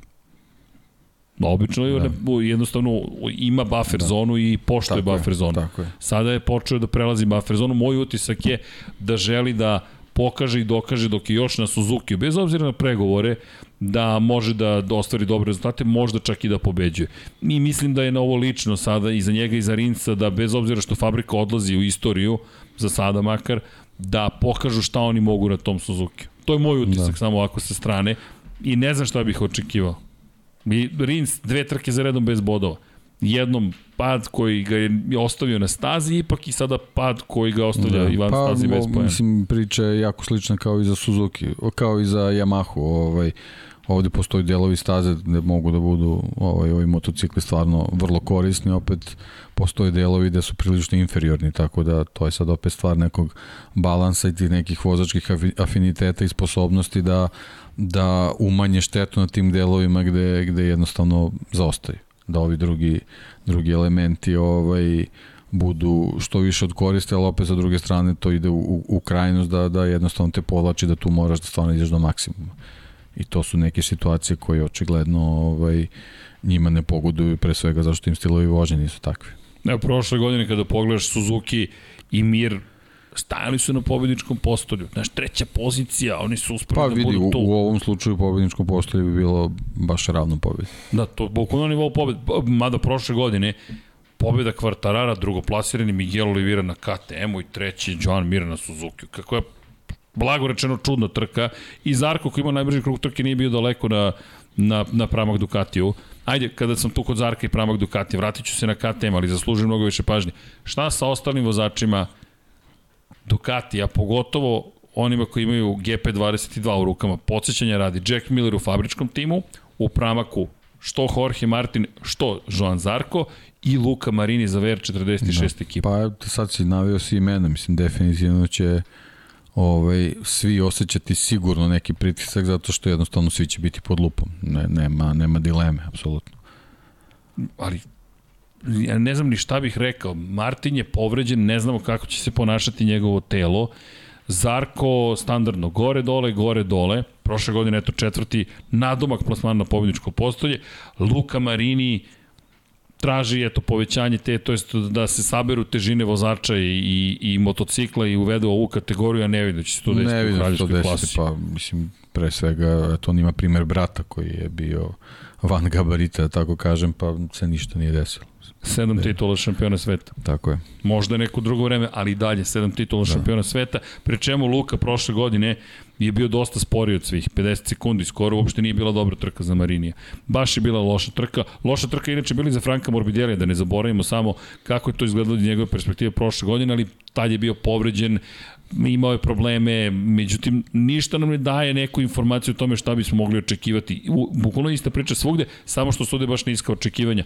Ja iskreno očekujem opet od Zarka jednu pristojnu trku, Marini bojim se da će se ponovo mučiti, ne vidim da može da se nekako iskobelja iz ove situacije, stalno pokušava da nađe rešenje koje ne nalazi, ne vidimo mu djelo odjednom magični lek, držimo palču, bilo bi lepo da ga vidimo, ali ne vidim, ali koga vidim da će biti odličan Jacka Millera. Iskreno mislim da Jack Miller trenutno u toj situaciji, ono što si ti sjajno rekao, ljudi, ovo je Italijan, no logično je da Italijan bude u fabričkom timu za Jacka Millera koji izjavio pa šta, šta, šta, zašto... Da, ali, ali nekako kao da je ta čitava situacija i sad ta neka neka priča, mislim, mi smo bukvalno krenuli neki prelazni rok, mislim, ova sezona praktično nije ni počela, baš je onako, mislim, dobro, okej, okay, naravno, razumem i medije, ovaj, to je super tema da se piše ko će gde, ali nekako, znaš, u sezoni gde a, čitave te, te priče i te kalkulacije su krenule bukvalno posle šeste trke sezone, mi onako potpuno neverovatno, ali, ali kako, kako su krenuli, krenuli ti, ti, ti, ti razgovori i te, te ovaj, prognoze ili izmišljanje i kako god, kao da je Jack Miller u tome pronašao neku, neku bazu da se, da se on onako prilično smiri i da, da se fokusira na, na, na trke, iako on generalno je u, u, u, u, ovaj, u svakoj od tih priča kao da odatle crpi neku energiju koja mu pomaže da malo da se malo stabilizuje i od tog trenutka onako imamo jednog možda čak mogu da kažem drugačijeg Millera, smirenijeg, nasmejanijeg, to je onako baš, baš lepo i upravo to što si, što si rekao, mislim, i što se mene tiče, ovaj, mislim da na ovoj trci možemo da očekujemo ovaj, dosta od njega ili, ili bar, bar da se nadamo će tako da bude. Pa, moj utisak je zaista izuzetno pozitivan. Izuzetno pozitivan, jer mislim da si sve objasnio. Ovo je, to je ta psihologija o kojoj pričamo. Od jednog mračnog Millera koji je nervozan, nenasmejan, kao da je sušta suprotnost sebe, dolazimo do toga da je čovjek našao svo, seb, svoje ja i sebe u tom nekako gotovo smanjenom pritisku. Ej, ko očekuje uopšte da ja zadržim ovo sedište? Naravno će se boriti za njega, ali imam dva, imam jednog italijana koji se bori za moje mesto i imam Jorge Martina koga svi očekuju da je Martinator i sledeći Mesija u Moto Grand Prix-u. Ok, ajde da se zabavljam. I one scene gde on pozdravlja publiku u Le i vrti se u krug su meni upravo taj signal koji si ti rekao. Tako da, Jack Miller, verujem da će biti baš dobar na ovoj trci. To je, to je to samo moj, my two cents, što kaže. Pa znaš kako, eto, videli smo prvo ona, ona neko, ovaj, razmenjivanje emocije prvo sa Đoanom Mirom, ono kad, kad ga je kad ga je oborio, onda ovaj, ono skidanje gest skidanja kape ispred Bastianina, čoveka koji, koji može da mu, da mu promeni karijeru uslovno nekako govori da, da, ovaj, da, da i u nekim težim situacijama on sad ume da, da ovaj, razmišlja na način koji mnogo više podsjeća na Jacka Millera nego te neke situacije koje su koje smo imali u prošlosti da jednostavno kao da imamo ispod kacige neku, neku drugu osobu. Ovo je meni u stvari pravi Jack Miller, to je to. a taj pravi Jack Miller bi vjerojatno to trebao da, da pokaže na stazi, tako da vidjet ćemo. 40 pojena zaostaje u da. šampionatu, ne Ma očekujem dobro, da se bori nije, za titulu. Da, nije to sad toliko ali... bitno, bitno je samo da ga dobijemo u nekom kontinuitetu koji, mislim, generalno on ima kvalitet koji, koji nije sporan i jednostavno samo treba da, da, da ga vežu nekoliko trka. Sad, da li, da li su to pobede, plasmanje na podijumima ili neka konstantnost, potpuno je sve jedno, ali generalno poenta je ako si u fabričkom timu Ducati, naravno da na svakoj trci moraš da računaš barem na podiju. E, šta misliš, da li bi, da li bi zaista ekipi Ducatija više odgovaralo da ima Miller i Banjaju naredne godine u kontekstu tog nekog balansa i mira u kući ili ipak... Pa, znaš kako, generalno, ne stavljajući uopšte ne u, u čitavu priču, mislim da, da je za svaku tip, ekipu dobra stvar imati kontinuitet sa vozačima. Te promene na svaku sezonu, to mi je neki trend koji onako mnogo, mnogo, uh, mislim da može mnogo više lošeg da donese nego neki dobri stvari. Kada pričamo, izvini, o tim trendovima, Honda to radi sve češće, što silom prilika, što zahvaljujući tome što traži rešenje vozača broj 2 u svojim redovima, moramo da dotaknemo Honda, Honda koja ima Marka Markeza koji nikad nije obožavao previše Muđelo. Bilo je to prilika za pobede, ali kada pogledamo, Mark Marquez je u Muđelu imao jednu pobedu u kraljevskoj kategoriji i to je bilo 2014. u njegovoj sezoni kada je naređao 10 pobjeda za redom. 2013. u debitantskoj sezoni je tu pao, 2016. je ostao u završnici samo bez, bez pobede, pobedio ga Jorge Lorenzo, inače tad je Yamaha povukla iz poslednje krivine i nadigrala Honda, koliko god to danas nevjerojatno zvučalo. Ako odemo sezonu kasnije, opet nije imao dobru trku Mark Marquez, opet je imao situaciju koju izleteo sa staze, dakle 2015. I kada generalno pogledamo njegov odnos sa Muđelom, je čuveni pad pre 300 na sat, cepanje brade, situaciju u kojoj pored zida se kotrljao na startnom ciljnom pravcu, ne vidim neki uspeh ovde preterani za Marka Markeza, fizički prezahtevna staza i onda dolazimo do tog vozača broj 2, Pola Espargara, koji je zamenio Aleksa Markeza, ovo je druga sezona Pola Espargara, koji je zamenio Jorge Lorenza koji je otišao u prevremenu penziju. Dakle, Lorenzo, Alex Marquez, Pola Espargaro, Pola Espargaro, u četiri sezone tri vozača smo imali i deluje da će u petoj sezoni četvrti biti tamo sve se više priča o Joanu Miru, ali ja ne vidim neki sad napredak ogroman za Hondu u ovom trenutku. Poslednja ta pobeda za Hondu jeste zapravo pobeda Marka Markeza. Pre toga Honda je slavila 2010. s Danijem Pedrosom. Pre toga moramo da se vratimo do 2003. godine i Valentina Rosija. Ovo, ako nešto možemo da kažemo, Hondina staza nikad nije bila. Da. to je u vremenu Mika Duana, ali to je Duanova je bila svaka staza. I tako iz te perspektive, ja ovde ne vidim Honda da igra bilo kakvu zbiljniju ulogu. Mislim da je opet još jedan vikend prikupljanja podataka i ono što si rekao za Suzuki, ako bi se neko na Hondi našao na pobjedničkom postoju, to je bukvalno pobeda i to je ogroman rezultat, ja ga ne vidim. Ni za Takaki Nakagamija, ni za Aleksa Markeza u Kinelo Racingu, ni za Pola ili Marka Markeza. Pa, apsolutno se slažem, mislim, posebno što, eto, u toj nekoj neverovatnoj u neverovatnom razvoju situacije Mark Marquez je ponovo najbolji najbolji vozač Honda i, i stvarno bi bilo u, ovo, u ovoj situaciji onako nepravedno od njega očekivati da, da, da jednostavno konkuriše za taj, za, za taj sam vrh, a naravno ako se tako nešto desi, to će apsolutno biti samo, samo isključivo njegova, njegova zasluga, ali to je baš, baš Daleko. Baš daleko, baš daleko. I sad dobro, tu se sad, što se tiče Honda, mislim, to, to si i, i, i ti više puta rekao ovaj, koji je tu sad neki put. Ja sam nabasao na, na, na, neke, na neke najave koje bi možda mogle da se dese sledeće godine, onako da kažemo da su izvori polu relevantni, ali postoji velika mogućnost da, da, da uskoro čujemo da ćemo sledeće sezone imati šest Hondi na gridu. E, Honda Azije navodno merka, merka čitavu situaciju da se, to jest da se Honda sa Honda Azijom pojavi u šampionatu, gde ćemo imati Taku i Aje Oguru, a da će na mesto Take u LCR doći ili Raul Fernandez ili Jorge Martin. E sad, te čitave turbulencije priče, kažem, meni je suviše rano stvarno u ovoj fazi sezone da uopšte uopšte pravimo te kalkulacije ili, ili takve priče, ali generalno uh, što se tiče same Honda, ako je to i, i, i u, u nekom malom procentu tačno, ovaj, uh, mislim da što se njih tiče može da bude uh, dobra stvar pre svega zato što je to trenutno jedini odgovor na ono šta, šta Ducati radi u Moto Grand Prix šampionatu, znači ne gledamo uopšte kroz, kroz prizmu same organizacije šampionata koji ona sve više više postaje Ducatijevi kroz Moto E i kroz osam motocikala na gridu, već kroz samog e, kroz samu u, u borbu Honda koja je jednostavno u, u nekom trenutku bila nosilac čitavog Moto Grand Prix-a da da na taj način u stvari i na jedini mogući način odgovara onome šta, šta Ducati trenutno radi u Moto Grand Prix. A, meni deluje iskreno kao da je Honda od ozloglašene korporacije koja gasi kategorije povinuje svojoj volji pravilnik i sve ostale je došlo do toga da gotovo je bude spasilac iz te perspektive da. raznovrsnosti šampionata. Zašto?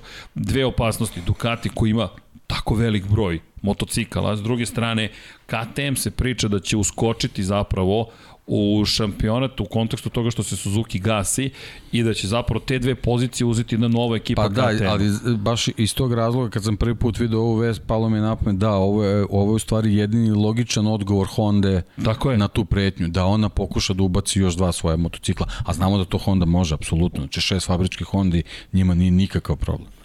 Naprotiv, to je nešto što ako neko može, to je onda Honda. Tako Honda je, je gigant. Tako je. Zaista gigant. Drugi gigant, zaista veliki proizvođač Yamaha, nekako ne pokazuje te tendencije da, da vuče ka tome, čak nemamo ni četiri fabričke da. ove sezone. Tu Yamaha... Dobro, to smo pričali još i prošle godine.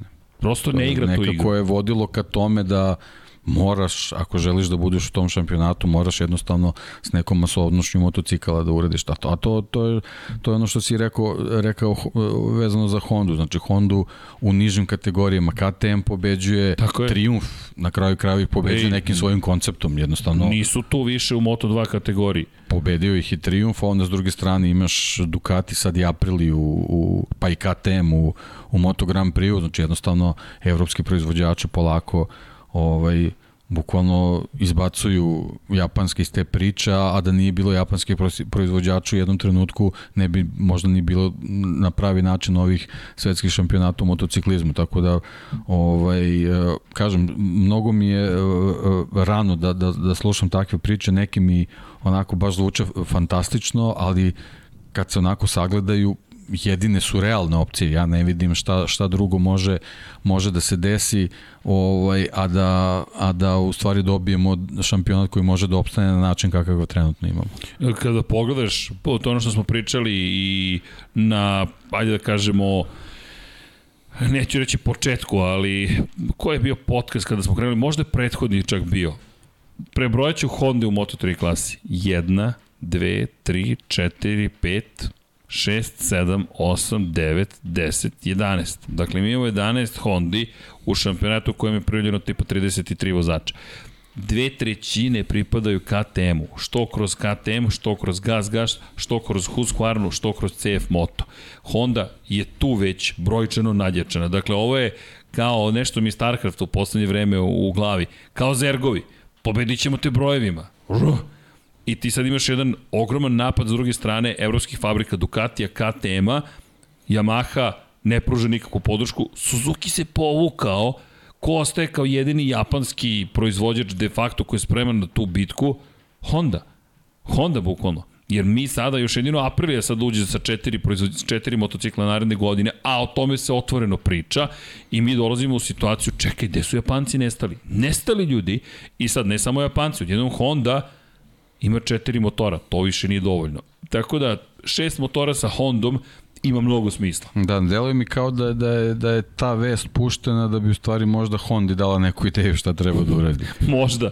Možda. Ne znam, ne znam, kažem, suviše mi je rano, ali, ali jedino mi vuče na tu stranu da bi to trebalo da se desi. Idemo ćemo, u. Mugello, da. idemo, već smo možda i stigli kada ovo gledate, bit ćemo i u Barceloni, tamo ispitivanje. Izvinite da vas pitam, izvinite da vas pitam, a možete vi nešto da mi više kažete? I zato je Mugello takođe magičan. Veliki broj italijanskih sponzora, veliki broj ljudi koji se pitaju, sada sa Aprilim i Ducatijem prisutnom, čelnici će biti fabrika prisutni, imamo iz druge strane situaciju u kojoj, eto, Gresini je italijanski vozač u italijanskoj ekipi vodi u šampionatu. VR46 italijanska ekipa. Mi govorimo o Pramaku koji je, ok, multinacionalni, ali Italija takođe igra veliku ulogu u toj celoj priči. Lucio Čekinelo je iz Italije. Mi govorimo, razumete, o italijanskim, italijanskim, italijanskim, italijanskim timovima i zato je Mugello toliko važan. A onda odlazimo u Španiju, u Kataloniju konkretno, gde opet timovi koji su tu zapravo formirani i odakle dolazi veliki broj sponzora. ali hvala deki, to je ključno iz perspektive Honda, rezultata na stazi nema, ali sada moraš da pripremiš i neku drugu priču. Poligon moraš da napraviš prosto da bi mogao da nastaviš da se takmičiš. I odjednom Honda koja postaje spasilac Moto Grand Prix-a, ugrožena od celoj priči, kako se vremena menjaju. Ali, ni tu kraj priče, samo još jedno pitanje. Kada već spomenjamo KTM, ja apsolutno i dalje nemam nikakvu predstavu šta bih rekao za KTM. Ne, ne znam kako da najavim trku KTM. Ne, ne umem, a da se to ne svede na frljanje mislim da će se desiti nešto. Jedino što znam, Binder će biti u nedelju dobar. Da, pa eto, naveo si prošle godine su, u, u jednom trenutku su imali taj momentum koji su i u Muđelu donekli iskoristili, ali to ne mora da bude nikakav parametar što se, što se njih tiče. Imamo dvojicu mladih vozača koji stvarno u nezgodnom trenutku ovaj, uče i ovaj grade grade svoj put u, u, u Moto Grand Prix i stvarno im je zaista teško i, i Remiju Gardneru, Gardneru a posebno Raulu Fernandezu koja je to poslednje što, što mladom vozaču treba se desi je neka teža povreda koja, koju ne, ne može nikako da, da, iz koje nikako ne može da ispliva, a sa druge strane to si ti pričao prošli, pretprošli put imamo dvojicu vozača koji su već izgradili imena, višestruki su pobednici, a jednostavno o, bukvalno iz trke u trku negde, negde, negde se pojave, ali najčešće ih nema nigde, tako da ako, ako pravimo ovaj, neku, ne, ne, neku najavu iz, te, iz tog pro, procenta uspešnosti, ne vidimo uopšte njihovu poziciju u, u vrhu u Muđelu. Ne u vrhu, nego, nego ono, na sredini karavana bilo bi super da se tu desi. Nepoznanica. Ostaje da. meni nepoznanica. KTM koji je četvrti da. u šampionatu konstruktora. Iz Aprilia je Yamaha i Ducati. Ispred je Suzuki i Honda. Ti gledaš i ja makar gledam i razmišljam KTM ima 17 pojena više od Honda. Zahvaljujući pobedama, da. Drugo mesto pobeda na prve dve trke to je to. To ih zaista drži. Uh, i ostajem pri tome, ne znam šta bih rekao za ovu ekipu i pohvale za tim Aprilia Racinga koji je prvi u šampionatu timova. Jeste da je šampionat sponzora, kako ga ti lepo zoveš, ali bez obzira, prvi su. I iz te perspektive jedan veliki uspeh da se vratimo mi na Muđelu i pokušaj da najavimo sve što može da se desi. Ljudi, ko zna šta može da se desi. Vodite računa naravno o Novajlijama. Fabio Di Gianantoni bi mogao da ima lep vikend. Kao što si rekao, Remi Raul muče se. Remi verujemo da ostaje u KTM-u. Raul može da se desi da će napustiti ekipu. Da, Diđe delo je kao da je polako počeo da osjeća šta se tu sve dešava, tako da možda možemo nekim trkama da, da, da očekujemo njegovo ovaj, isplivavanje ovaj, sa, sa začelja, ali mislim da je to jako teško i baš je ovaj, nezahvalno od njega to očekivati, ali bitno je da se on osjeća na tom motociklu što sigurniji i da je u toj grupi, jer, jer ne spada one, one momke od ranije koje smo imali kad dođu u Moto Grand Prix šampionat, pa se recimo konkretno nađu na Ducatiju da da onako debelo zostaju za, za, za ostalima, mislim da on polako hvata taj, debelo zostaju u smislu čitave sezone su onako baš baš ovaj daleko od ostalih deluje mi da on polako tu neki neki priključak hvata i da da možda u nekom drugom delu se taj osjećaj vrati u smislu da da možemo da imamo onako i konstantnije trke i, i bolji tempo ovaj kad dođe nedelja. Dobro. Fabio Di Antonio, Fabio Quartararo, koji će biti, bošalim se naravno, ali imamo dva Fabija. Meni što se tiče Fabio Di Antonio, mislim da će to biti inspiracija te Italije. E, tri poena osvojio na prethodnoj trci, lepo ih i videti. Generalno volim da spomenju Novajli ove godine. Marko Beceki mislim da zaslužuje poseban pogled, stalno govorimo o njemu i ostajem pri tome. Marko je opet osvojio poene, 12. pozicija. Ljudi, Kada pričamo o osvajačima poena među Novajlijama, Marko Beceki ih ima 19. Toliko ima Franco Morbidelli ove godine.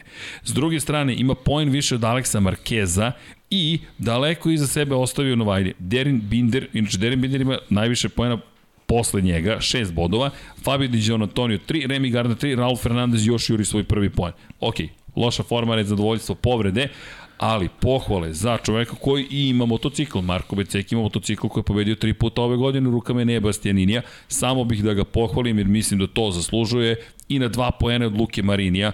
Ja mislim da ide među vodećih 10 Marko Beceki samo da se malo opuzda i da kaže ok, sačeka jednu krivinu i mislim da će to biti dobrih mislim da će biti zaista dobrih rezultata.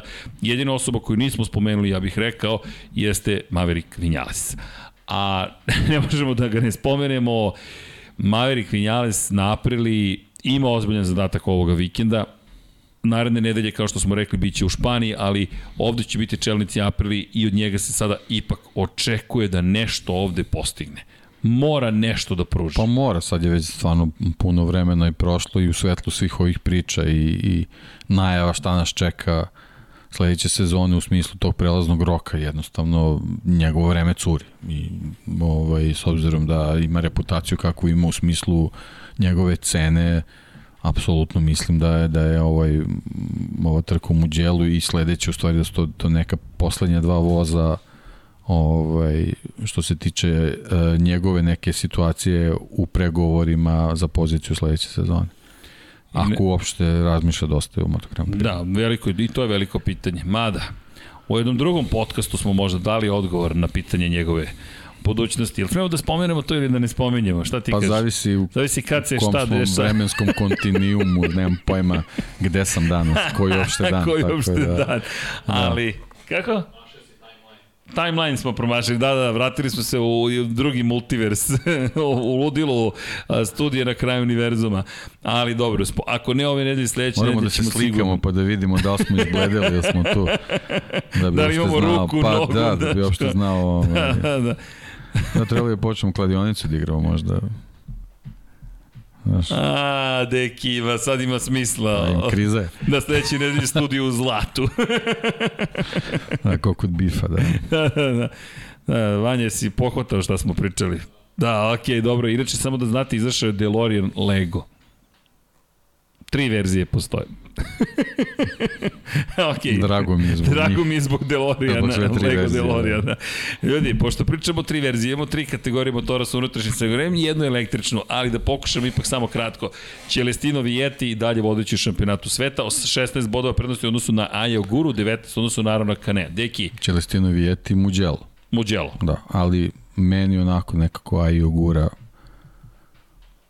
Deluje ti. de, nekako mi deluje, da. da Okej. Da. A Toni Arbolino?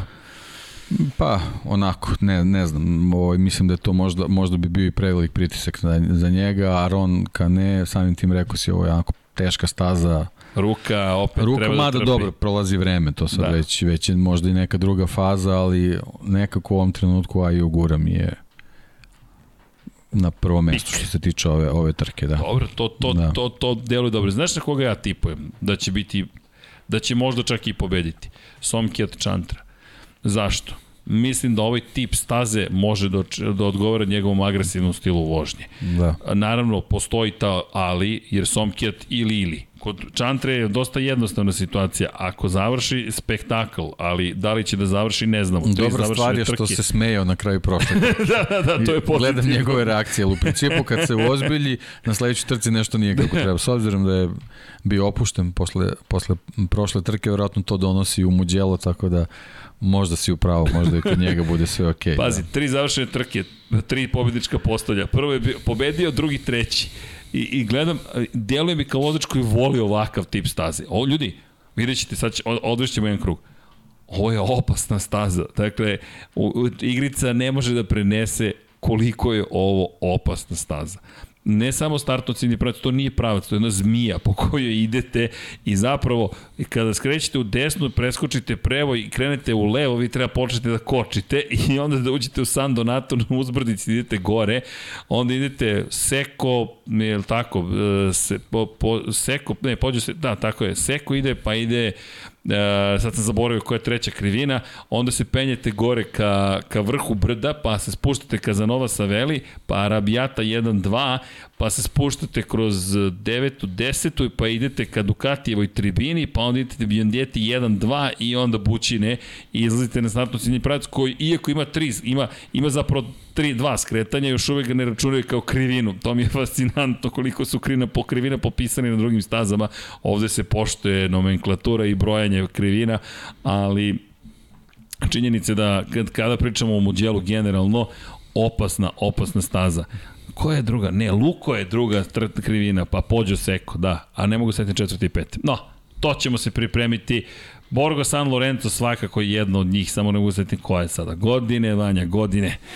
Oće to, desi se to u životu. Elem, Moto dvojke, samo par stvari tu bih dodao kada je reč o, o Moto dvojkama, a to je da italijani imaju dve nade, to su Toni Arbolino i Celestino Vieti. Vieti svakako, Ver 46, ekipa povlači se broj inspiracije itd. I dodao bih Red Bull KTM u ekipu. Obavezno, apsolutno. Augusto Fernandez sada pogotovo da. i Pedro Costa Pedro takođe. Costa pokazuje da, da brzina se vratila, tu je posebno te staze koje poznaje.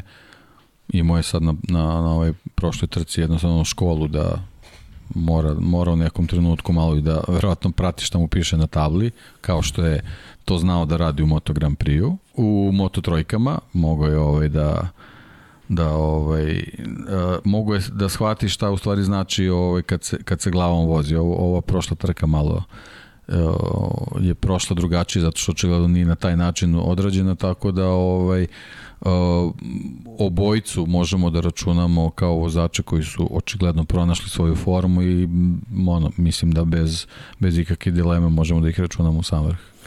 100% i to od sada pa do kraja sezone, rekao bih, da rekao bih da je ono što si ti pričao, desilo se, podesili su se, pronašli su se i idu dalje. Ostali, tako deluje. Tako deluje, naravno. naravno Ostali, kamerom Bobije, vidjet ćemo četvrta mesta da li ga je inspirisalo, još uvek nije dovoljno precizan, ali mislim da treba ga gledati i vidjet ćemo test veliki za Fermina Aldegira. Mislim da za njega već sad ovo ozbiljna situacija, 18. u šampionatu, posle sezore koja je počela potencijalnom pobedom u Argentini, do toga da mi pričamo o čoveku koji ne može da osvoji pa poen. Pa da, ali ta Argentina ga izgleda malo uzdrmala. Ovaj, Ćele. Sad je, da, sad je potrebno vreme da se vrati malo. To podsjeća možda na, na, na, ne kažem da je tog nivoa, ali pad na Red Bull ringu za Bastianini je tako nešto ili ne? Pa nije možda na taj način, ali jednostavno način da, da, je, da je možda shvatio da nisu svi putevi koji on zamislio baš takvi Jasno. kakvi jesu, nego da tu možda i postoje neke prepreke i onda ti ako tokom trke vraćaš film, onda onda možda može malo da bude nezgodno. Popularno bitno je, odrastanje. Da, bitno je se vrati na, na, na svoje seto, na svoj mindset pre, pre Argentine i mislim da, da, da možemo da ga imamo u dobroj formi. Sad, samo tako deluje, možda, možda nisam u pravu. Deluje bi zaista kao da si spomenuo odrastanje zapravo. Pa da. Kao kada pričaš sa detetom. Ali, kada pričamo o odrastanju, kada pričamo o, o mindsetovima, kada pričamo o malom povratku nazad, Denis Vođa pobeđuje u Italiji. Apsolutno se slažem. Dakle, to je, ljudi, to, to je dato. Ja mislim da je to ja to. Ja ne znam ako se to ovaj, ne desi, Znači ne pričamo o nekim nepredviđenim situacijama i to nego. Naravno. Znači neka trka. lepa čista trka i Denis Fođa ne pobedi onda sve ono što smo pričali na početku sezone apsolutno pada u vodu. Baš je palo u vodu. I morali bismo sa gospodinom Kotorom da se čujemo da vidimo ovaj, šta, je, šta, bi? šta je to što mi ne vidimo, dešava se. Jer ovo apsolutno trebalo da bude sezona Denisa Fođe. I ne da bude treći u šampionatu sa 17 pojena za ostatka, već da bude čovek koji niže pobede. Na prve četiri trke, tri puta na pobedničkom postolju, bila jedna kazna, ok. Da, delovalo kao da je to taj put, da. Da, ali odjednom osmi, bez plasmana među vodećih 15 četvrti, pogotovo posle osvojene pol pozicije drugog mesta Tatsuki Suzuki na prethodnoj trci u Limanu. I nekako su to svi zapamtili. Kada god pričamo o Moto Trojici, svi kažu, čekaj, bili su prvi i drugi Leopard u kvalifikacijama. Četvrti i peti van pobedničkog ja, voleo, trci. Voleo bih da, da vidim neke kadrove u kojima nema ravnodušnosti, nego da vidim onog, onog pravog fođu. Onda, onda, onda bih, da, onda bih, ovaj, onda se ne bih zabrinuo ovako, ne deluje mi tako. Da, da deluje, neću reći indiferentno, ali... Pa da, mislim, nije, da, nije nezainteresovano, nije, nije dobar termin, ali jednostavno nekako je, nekako je suviše hladan, nije... Meni deluje kao da ne vidi kao, rešenje da. u sebi i ekipi, kao da se već predao, kao da očekuje da je to pa, to. Da, ali mislim, A nema razloga. Nema, nema razloga, mislim, posebno što ova sezona je mnogo više obećava nego prošla. Tako da ne, nema nikako razloga da su u ovoj fazi tako ponaš. 17 pojena je više nego nadoknadivi, da. kao što si rekao, ni blizu onog zaostatka da, koji ima odnosu da. na Pedra Kostu. Inače, Sergio Garcia vodi u šampionatu Moto3 klase, dobar je. Pa dobro, standardno. etablirao se tu je i uvek ga treba ovaj, računati ovaj, u, u, konkurenciji za, za pobedu kao i Jaume Masiuet koji se, koji se konačno postaje Masija delo je najozbiljniji. taj vozač sa, sa imenom i prezimenom kakav, kakav bi trebao da bude, tako da njih dvojica uz, uz Fođu ono, Ali- očekujem, očekujem borbu, ali nekako očekujem Fođu da, da, da ispliva. Ovoga puta mislim da pobeda pripada Fođi, ali Jaume Masija meni deluje kao, kao, kao, kao šampion. Da. Pobeda, drugo mesto, treće mesto, pobeda. Mi sada govorimo već četiri trke u nizu kojima da. je on Niz koji mu je bio neophodan da, da spase karijeru, bukvalno.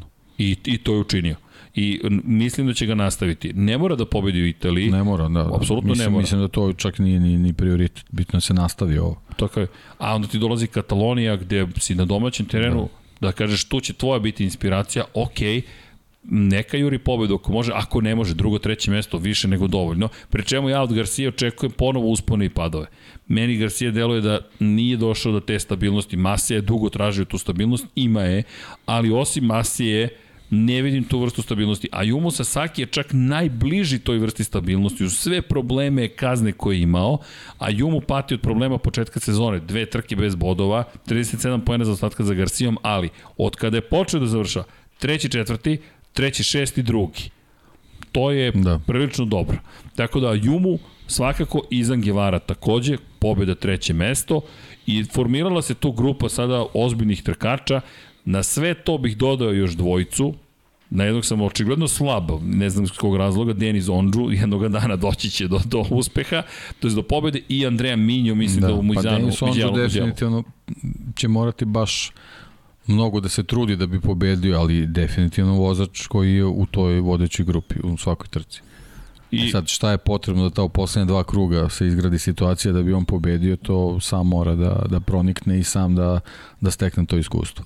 A Minjo je već pokazao, znači ako, ako je dobar dan, I ovo je Mugello, ja mislim da će to da bude pa da. glavna priča. Ja Pa ne, to mislim, mislim, kroz sve priča. kategorije nesporno je da, da, da italijani čim kroče na to tle, da, da se neki drugi mod pali, nema, nema tu nikakve priče vezane za nečiji mentalitet ili ovdje jednostavno njima je to srce počne drugačije da kuca potpuno. Apsolutno. Ne, nema šta to da se priča. Baš Apsolutno sve italijane trebaš kroz sve kategorije da računaš da će uraditi i više možda nego što mogu. Ali baš si lepo rekao, da A, srce da. počinje drugačije da kuca. Apsolutno. Kada pričamo već o tome, u Moto E klasi, da li mogu da zabeleže pobjede? Imamo Matiju Kasadeja, Mateja Ferrarija ili se svodi na Dominika Egirtera iz Švajcarske i Erika Granada iz Brazila. Pa i tu je, mislim, ista priča, ova dvojica su pokazala da stvarno mogu da budu ovaj super brzi, ne samo što su italijani, tako da ovaj toj kategoriji je potrebno da, da, da, da svi budu u vrhu, da uvek, uvek nam je neko nedostaje ovim, ovim trkama, ili, ili padovi ili, ili tako neke, neke nezgodne situacije kao recimo i Granado, možda loša forma Le Mans, ovaj, ali ovde nam, mislim da nam trebaju sva četvorica i da, da, da mogu da budu stvarno dobre trke. Ali o, ja iskreno mislim da, da treba sve italijane i Nikolu Kanepu Da, i... mislim da čak da u Moto E u Muđelu imaćemo dosta velike razlike, pošto trke su kratke, osam krugova je samo i onda nekako grupa bude tu, ali mislim da ćemo u Muđelu videti u stvari e, razlike u klasama između vozača u, na, na cilju. Ja jedno čekam, moram ti priznati da ovo vidim. Inače, mislim da mnogo pomaže što imamo po dve trke, po dve trke po vikendu i ono što je super, deki, prvi put Moto E stiže u Mugello. Meni to Meni se to dopada, iskreno, i, i jedva čekam zapravo da vidim šta će se tu desiti. Pazi, Mugello, električni motocikli, želim da vidim na pravcima koje će biti maksimalne brzine i želim naravno da vidim to uzbrdo, nizbrdo. Nisam čak ni siguran da će moći da izvuku osam krugova, moram ti priznati. Čak mislim da će biti šest ili sedam, moram da proverim Kako kako god, je da, da, da. Ali da. želim da vidim i da čujem I, motore. I to govori, govori u stvari o kompleksnosti te staze. Jeste. O, idemo gore, idemo Ide dole. gore. Ajde dole, ali gore. Treba se popeti. Gore. Treba se popeti.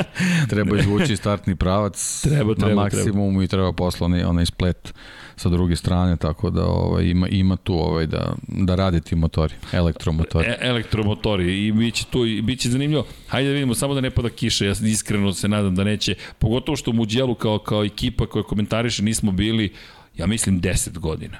Od 2012. Išli smo na drugi stazi, išli smo u Brno, išli smo u Valenciju, išli smo u Barcelonu, išli smo u Mizano, Mugello nekako se nikako nije namestio da idemo u Mugello, I evo, posle 10 godina, inače, moram, moram da spomenem, neću da ih imenujem, ajde, nisu mi dali dozvolu, ali jedan sada par roditelja se pre 10 godina upoznao na putovanju za Mugello, devojka koja je na forumu bila toliko aktivna sport kluba da je u to vreme sama producent rekao molim te srđane daj ovoj devici nekako da, da se odužimo, mnogo voli Moto Grand Prix.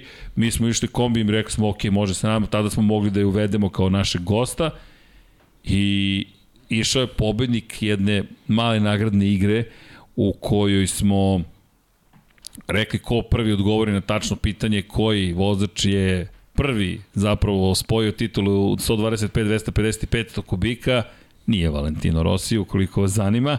Gospodin Reed je u pitanju, Hill, oprostite, je u pitanju, ali činjenica je da, da smo došli do toga da se njih dvoje upoznaju na tom putu i stvori se ljubav, neverovatno. Tokom tog putovanja danas, eto, su roditelji, imaju prinovo i baš mi pisala danas devojka, kaže, vidi šta smo stvorili od 10 godina od Muđela, rekao. To je ta ljubav prema Moto Grand Prix. Ajde vidjet ćemo kako će ljubav da se stvori ovoga puta. Ljudi, ja se nadam da ste uživali, mi ćemo polako da se odjavljujemo. Vanja, koliko trajemo? Sati 45. O, šokiran Standardno. sam. Sta, standard, standardno. standardno. Ali dobro, smo rekao sat i po, pa nema, nema šanse, ipak uvek malo mora da se prebaci, ali ljudi, nadam se da ste Reci uživali. mi samo, jel si ti tamo ili još putuješ? Ne znam. Vidi, znaš da se sa mnom to ne zna, ta, ta, ta vremenska dilatacija. Dobro, dobro. Da, plan je da smo već tamo, mm -hmm, jer trebalo bi u 6 ujutro da smo krenuli i da smo stigli uz granicu, prelaze, sve situacije, pronalaženje smeštaja u smislu da nađemo tačnu ulicu, broj i tako dalje. Dolazak, ja se nadam da smo uspeli da sada zapravo se pripremamo za veliki dan. Ima mnogo toga što ćemo da, da uradimo, ja se nadam u četvrtak. Jedva čekam, ne samo u četvrtak, četvrtak, petak, subota, nedelja. A, jedva čekam, moram ti priznati, Muđelo je jedna od onih, od onih staza koje su prave trkačke. Kad dođeš, osjećaš to trkanje i jedino preporuka ko ide u Muđelo, ljudi, sporedni putevi, sporedni putevi, sporedni, izbegavajte autoput, pogotovo u dolasku, lako može se desiti da zakasnite, ne znam da li će biti gužve kao prethodnih godina ili ne, to je opet taj čuveni test s početka podcasta koji smo spomenuli, držim palčeve da će zaista biti prepuno, jer to negde obećava prosto iz perspektive Moto Grand Prix da su stvari nekako na pravom mestu. A da, u da, podsjećate me, ne, nismo završili. Jao, deki, da, izvinite, izvinite, izvinite. Jao, moram da odvezem krug muđela. Da, dobro. Pre nego što krenem, samo da napomenem dve stvari. Jose Antonio Rueda je novi vodeći u juniorskom Grand Prix šampionatu u Moto3 klasi, Junior GP takozvana kategorija, samo da napomenem, dve trke održane u Valenciji prethodnog vikenda, a želim da pohvalim gospodina Lukasa Tulovića, tri trke, tri pobede, bukvalno, ljudi, aplauz i sjajne trke. Imao, Lukas pobedio Aleksa Eskriga i bio je ispred Kardelusa, Čavijera Kardelusa prvi, tako da zaista fenomenalno je to izgledalo i čekamo Lukasa da se vrati u šampionat sveta Moto2 kategorije, a sada jedan krug muđela, da ipak ne možemo ispod 2 sata, ne vredi neki, kad god pokušavamo, pokušavamo, ali ono što pokušavam sada je da podcast traje manje od 2 sata. Ali ne ide. Jao, gledaj sad kako se vozi muđelo. Evo, Monster Yamaha sama se javila. Šta ti kažeš, koji motocikl? Taj, taj. Taj, taj. Da vidimo šta Fabio može. Ajde da vidimo. Nećemo sa Frankom. Pa nemoj, ja sam ga ubugaljio prošli put. Ne, okej, okay, idemo quick mod. Je tako bilo? Sam ja bio Franko prošli put. Uh, jesi, jesi. Jednom, jednom sam bio Franko i nikad više. A to je, on je prošao Ja kroz sam ogradu, prošao da. kroz ogradu. E, ali hoćeš da promenimo, Ja pošto kad smo padnem, bili, ja nežno padnem. pošto sam već bio Fabio, hoćeš nekog Italijana, ajde. Pa ajde, možeš. Ja, znaš koga ćemo? Čekaj, čekaj, gde je u celoj ovoj priči?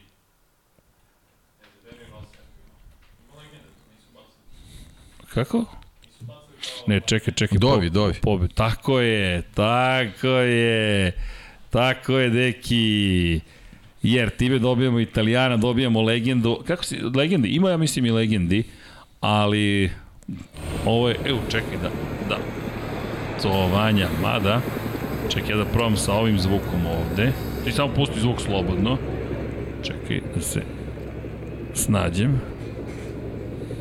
E. Ajmo.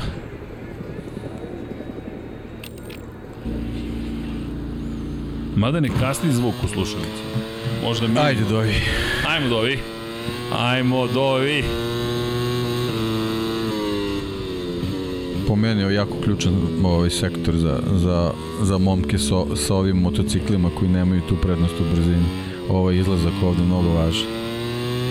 Loš sam ovde bio, ali bar sam ostao na motociklu.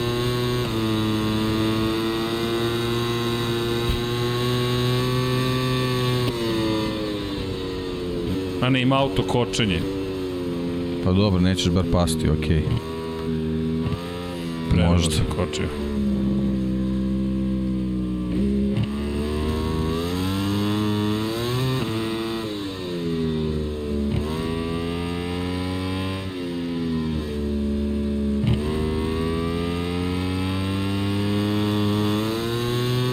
Dobro, malo sam postao bolji Da. deki.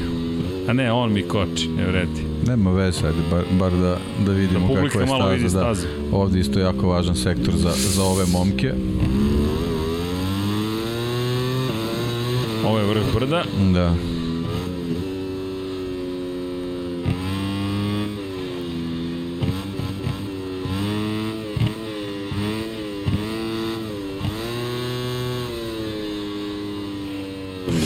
Aj, aj, aj, aj, aj.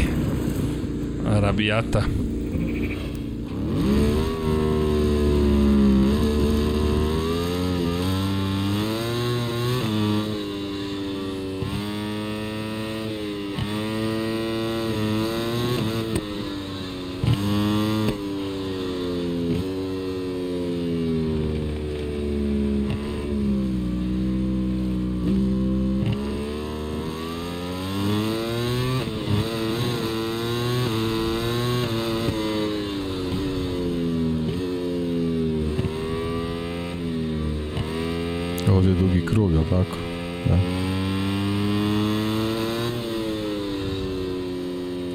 Deti jedan i Da, dva. da, jako važno mesto za, za Fabija, pre svega.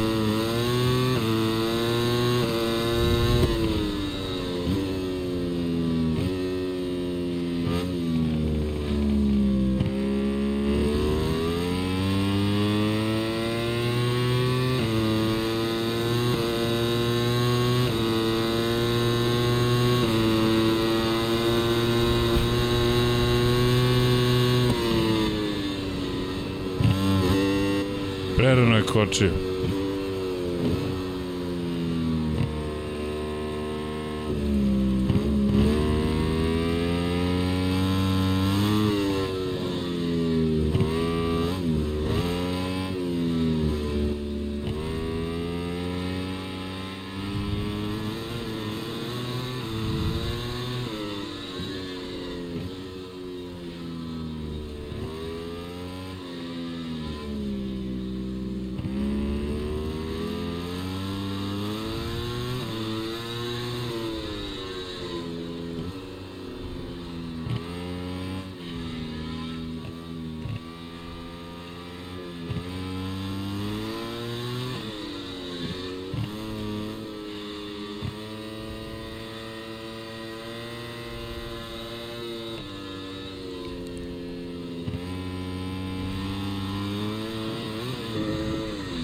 Uf, Ah. Preagresivno na gasu. Ali sam se ponadao da ga imam, deki.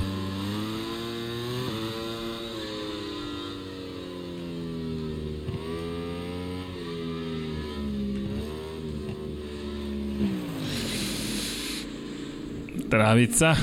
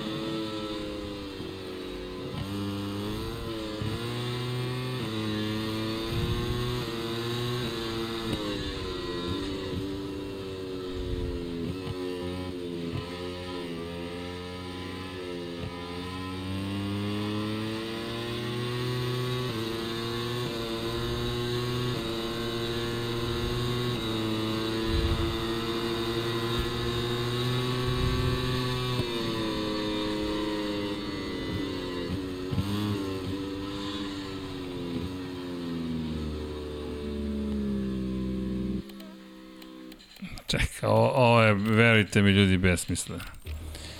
Znači, ja bukvalno ne kočim, ali dobro. Videli smo krug. Si zadovoljan nešto bolje izgleda? Kako ne? Viš da je kombinezon dobar, nisi ga mnogo izgulio. Da. Šta su ovde options? Ja, controls configuration. Ne, to je u redu. Nema, gde su mi riders assists?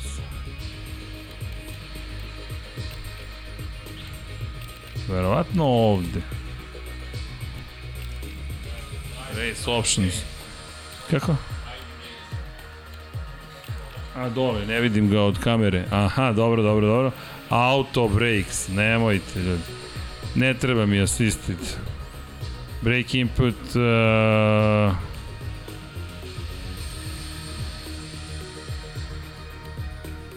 pa ajde, neka ostane bar to. Transmission...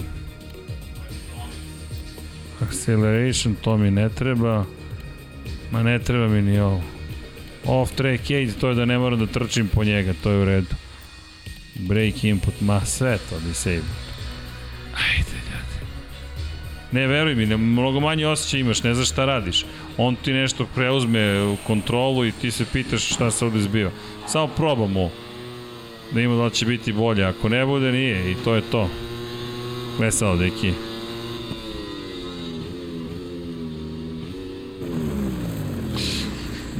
Ipak je bolje kad on koči. Ipak je bolje kad on koči. Dobro, bar sam nasmeo Vanju. Ali Vanja ovako se uči.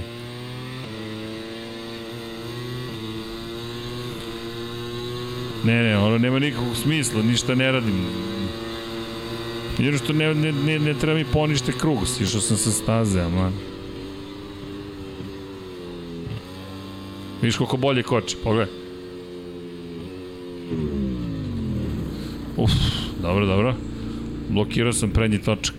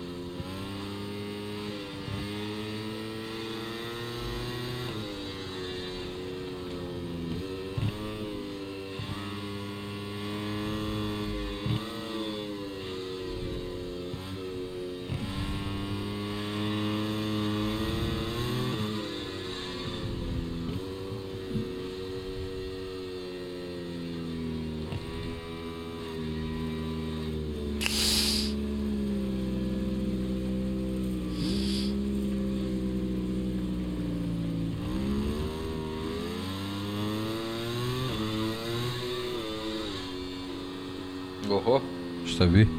Malo blokada točka, ali pogledaj koliko je bolja kontrola.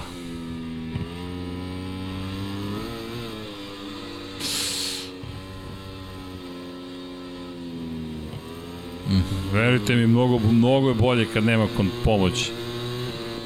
Koliko god delovalo...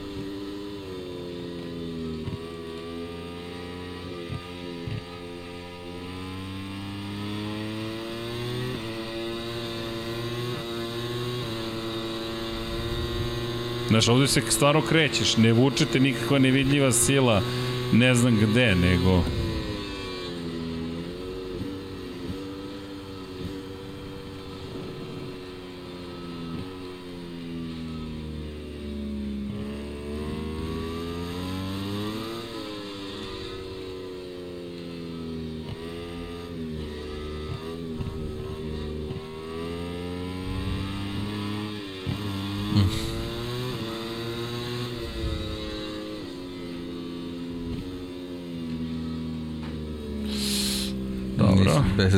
bespotrebno si ga ispravi. Da, da, ispravio sam ga pogrešno, po- nisam bio siguran u sebe. Ali pogledaj, već sam bolji ovde. Opa! O, ne! Okej. Okay. Mislim da ovo moment kada treba kažemo to bi bilo to. To je moment kad trebaš da shvatiš da ne trebaš da hvališ ni sebe. A, ali dobro. Ok. Ne znam Komentatorska da ste... kletva komentatora. Komentator Obrnuo si igricu, to je to. To je to. Ajmo, Vanja, ovo kraj. Je, ovo je paradoks, to ovde je smo to. otvorili paradoks.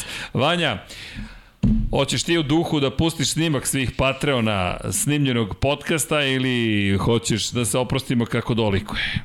Kakva nameštaljka, kako doliko je u Ayrton Sena knjizi koju možete kupiti ekskluzivno još uvek shop.infinitylighthouse.com zajedno sa Crveno i Crno, Mihael Schumacher zajedno sa Kimi Raikkonen zajedno sa još malo nekim knjigama.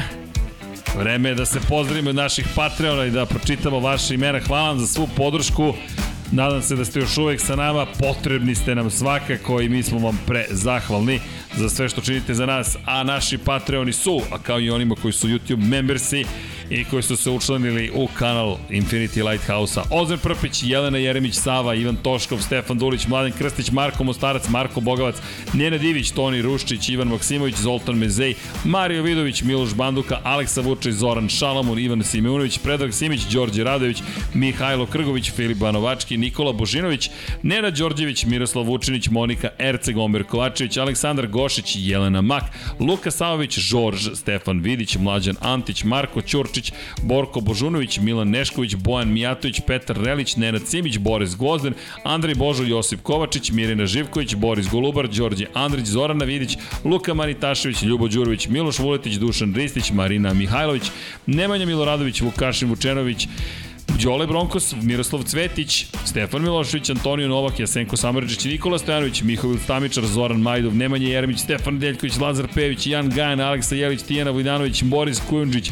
Aleksandar Antonović, Nemanja Zagorac, Dejan Vujović, Aca Vizla, Milan Ristić, Igor Vučković, Vukašin Jekić, Igor Gašparević, Aleksandar M, Žarko Milić, Branko Bisački, Dejan Đokić, Bahter Abdurmanov, Bojan Markov, Alen Stojčić, Ognjen Gurjanović, Ertan Prelić, Andrija Todorović, Emir Mešić, Miloš Tudorov, Pavle Njemec, Đorđe Đukić, Vanja Radulović, Vladimir Petković, Vladimir Filipović, Aleksandar Jurić, Strahinja Blagović, Deprest Cody Garbrandt Fan, Jovan Jordan, Stefan Stanković, Boris Erceg, Katarina Marković, Ivan Panajotović, Ivan C, Dimitrije Mišić, Veselin Veselin Vukičević, Andrej Bicok, Nebojša Živanović, Andreja Branković, Nenad Pantelić, Jugoslav Krastić, Vlada Ivanović, Stefan Janković, Aleksandar Banovac, Miloš Radosavljević, Grgo Živaljić, Matija Rajić, Zoran Cimeša, Petar Nujić, Danijela Ilić, Ferenc Laslofi i 26 tajnih pokrovitelja, YouTube članovi Neven Bio Centar, Nikola Grđan, Miloš Tanimirović, Vukašin Felbob, Igor Ilić, Voča Pero, Marko Stilković, Bakadu, Bojan Gitarić, Ivan Magdalenić, Ivan Vojosinović, Resničanin, Mladen Mladenović, Tatjana Lemajić, Veselin Vukićić, Stojan Sabo, Mladen Dukić,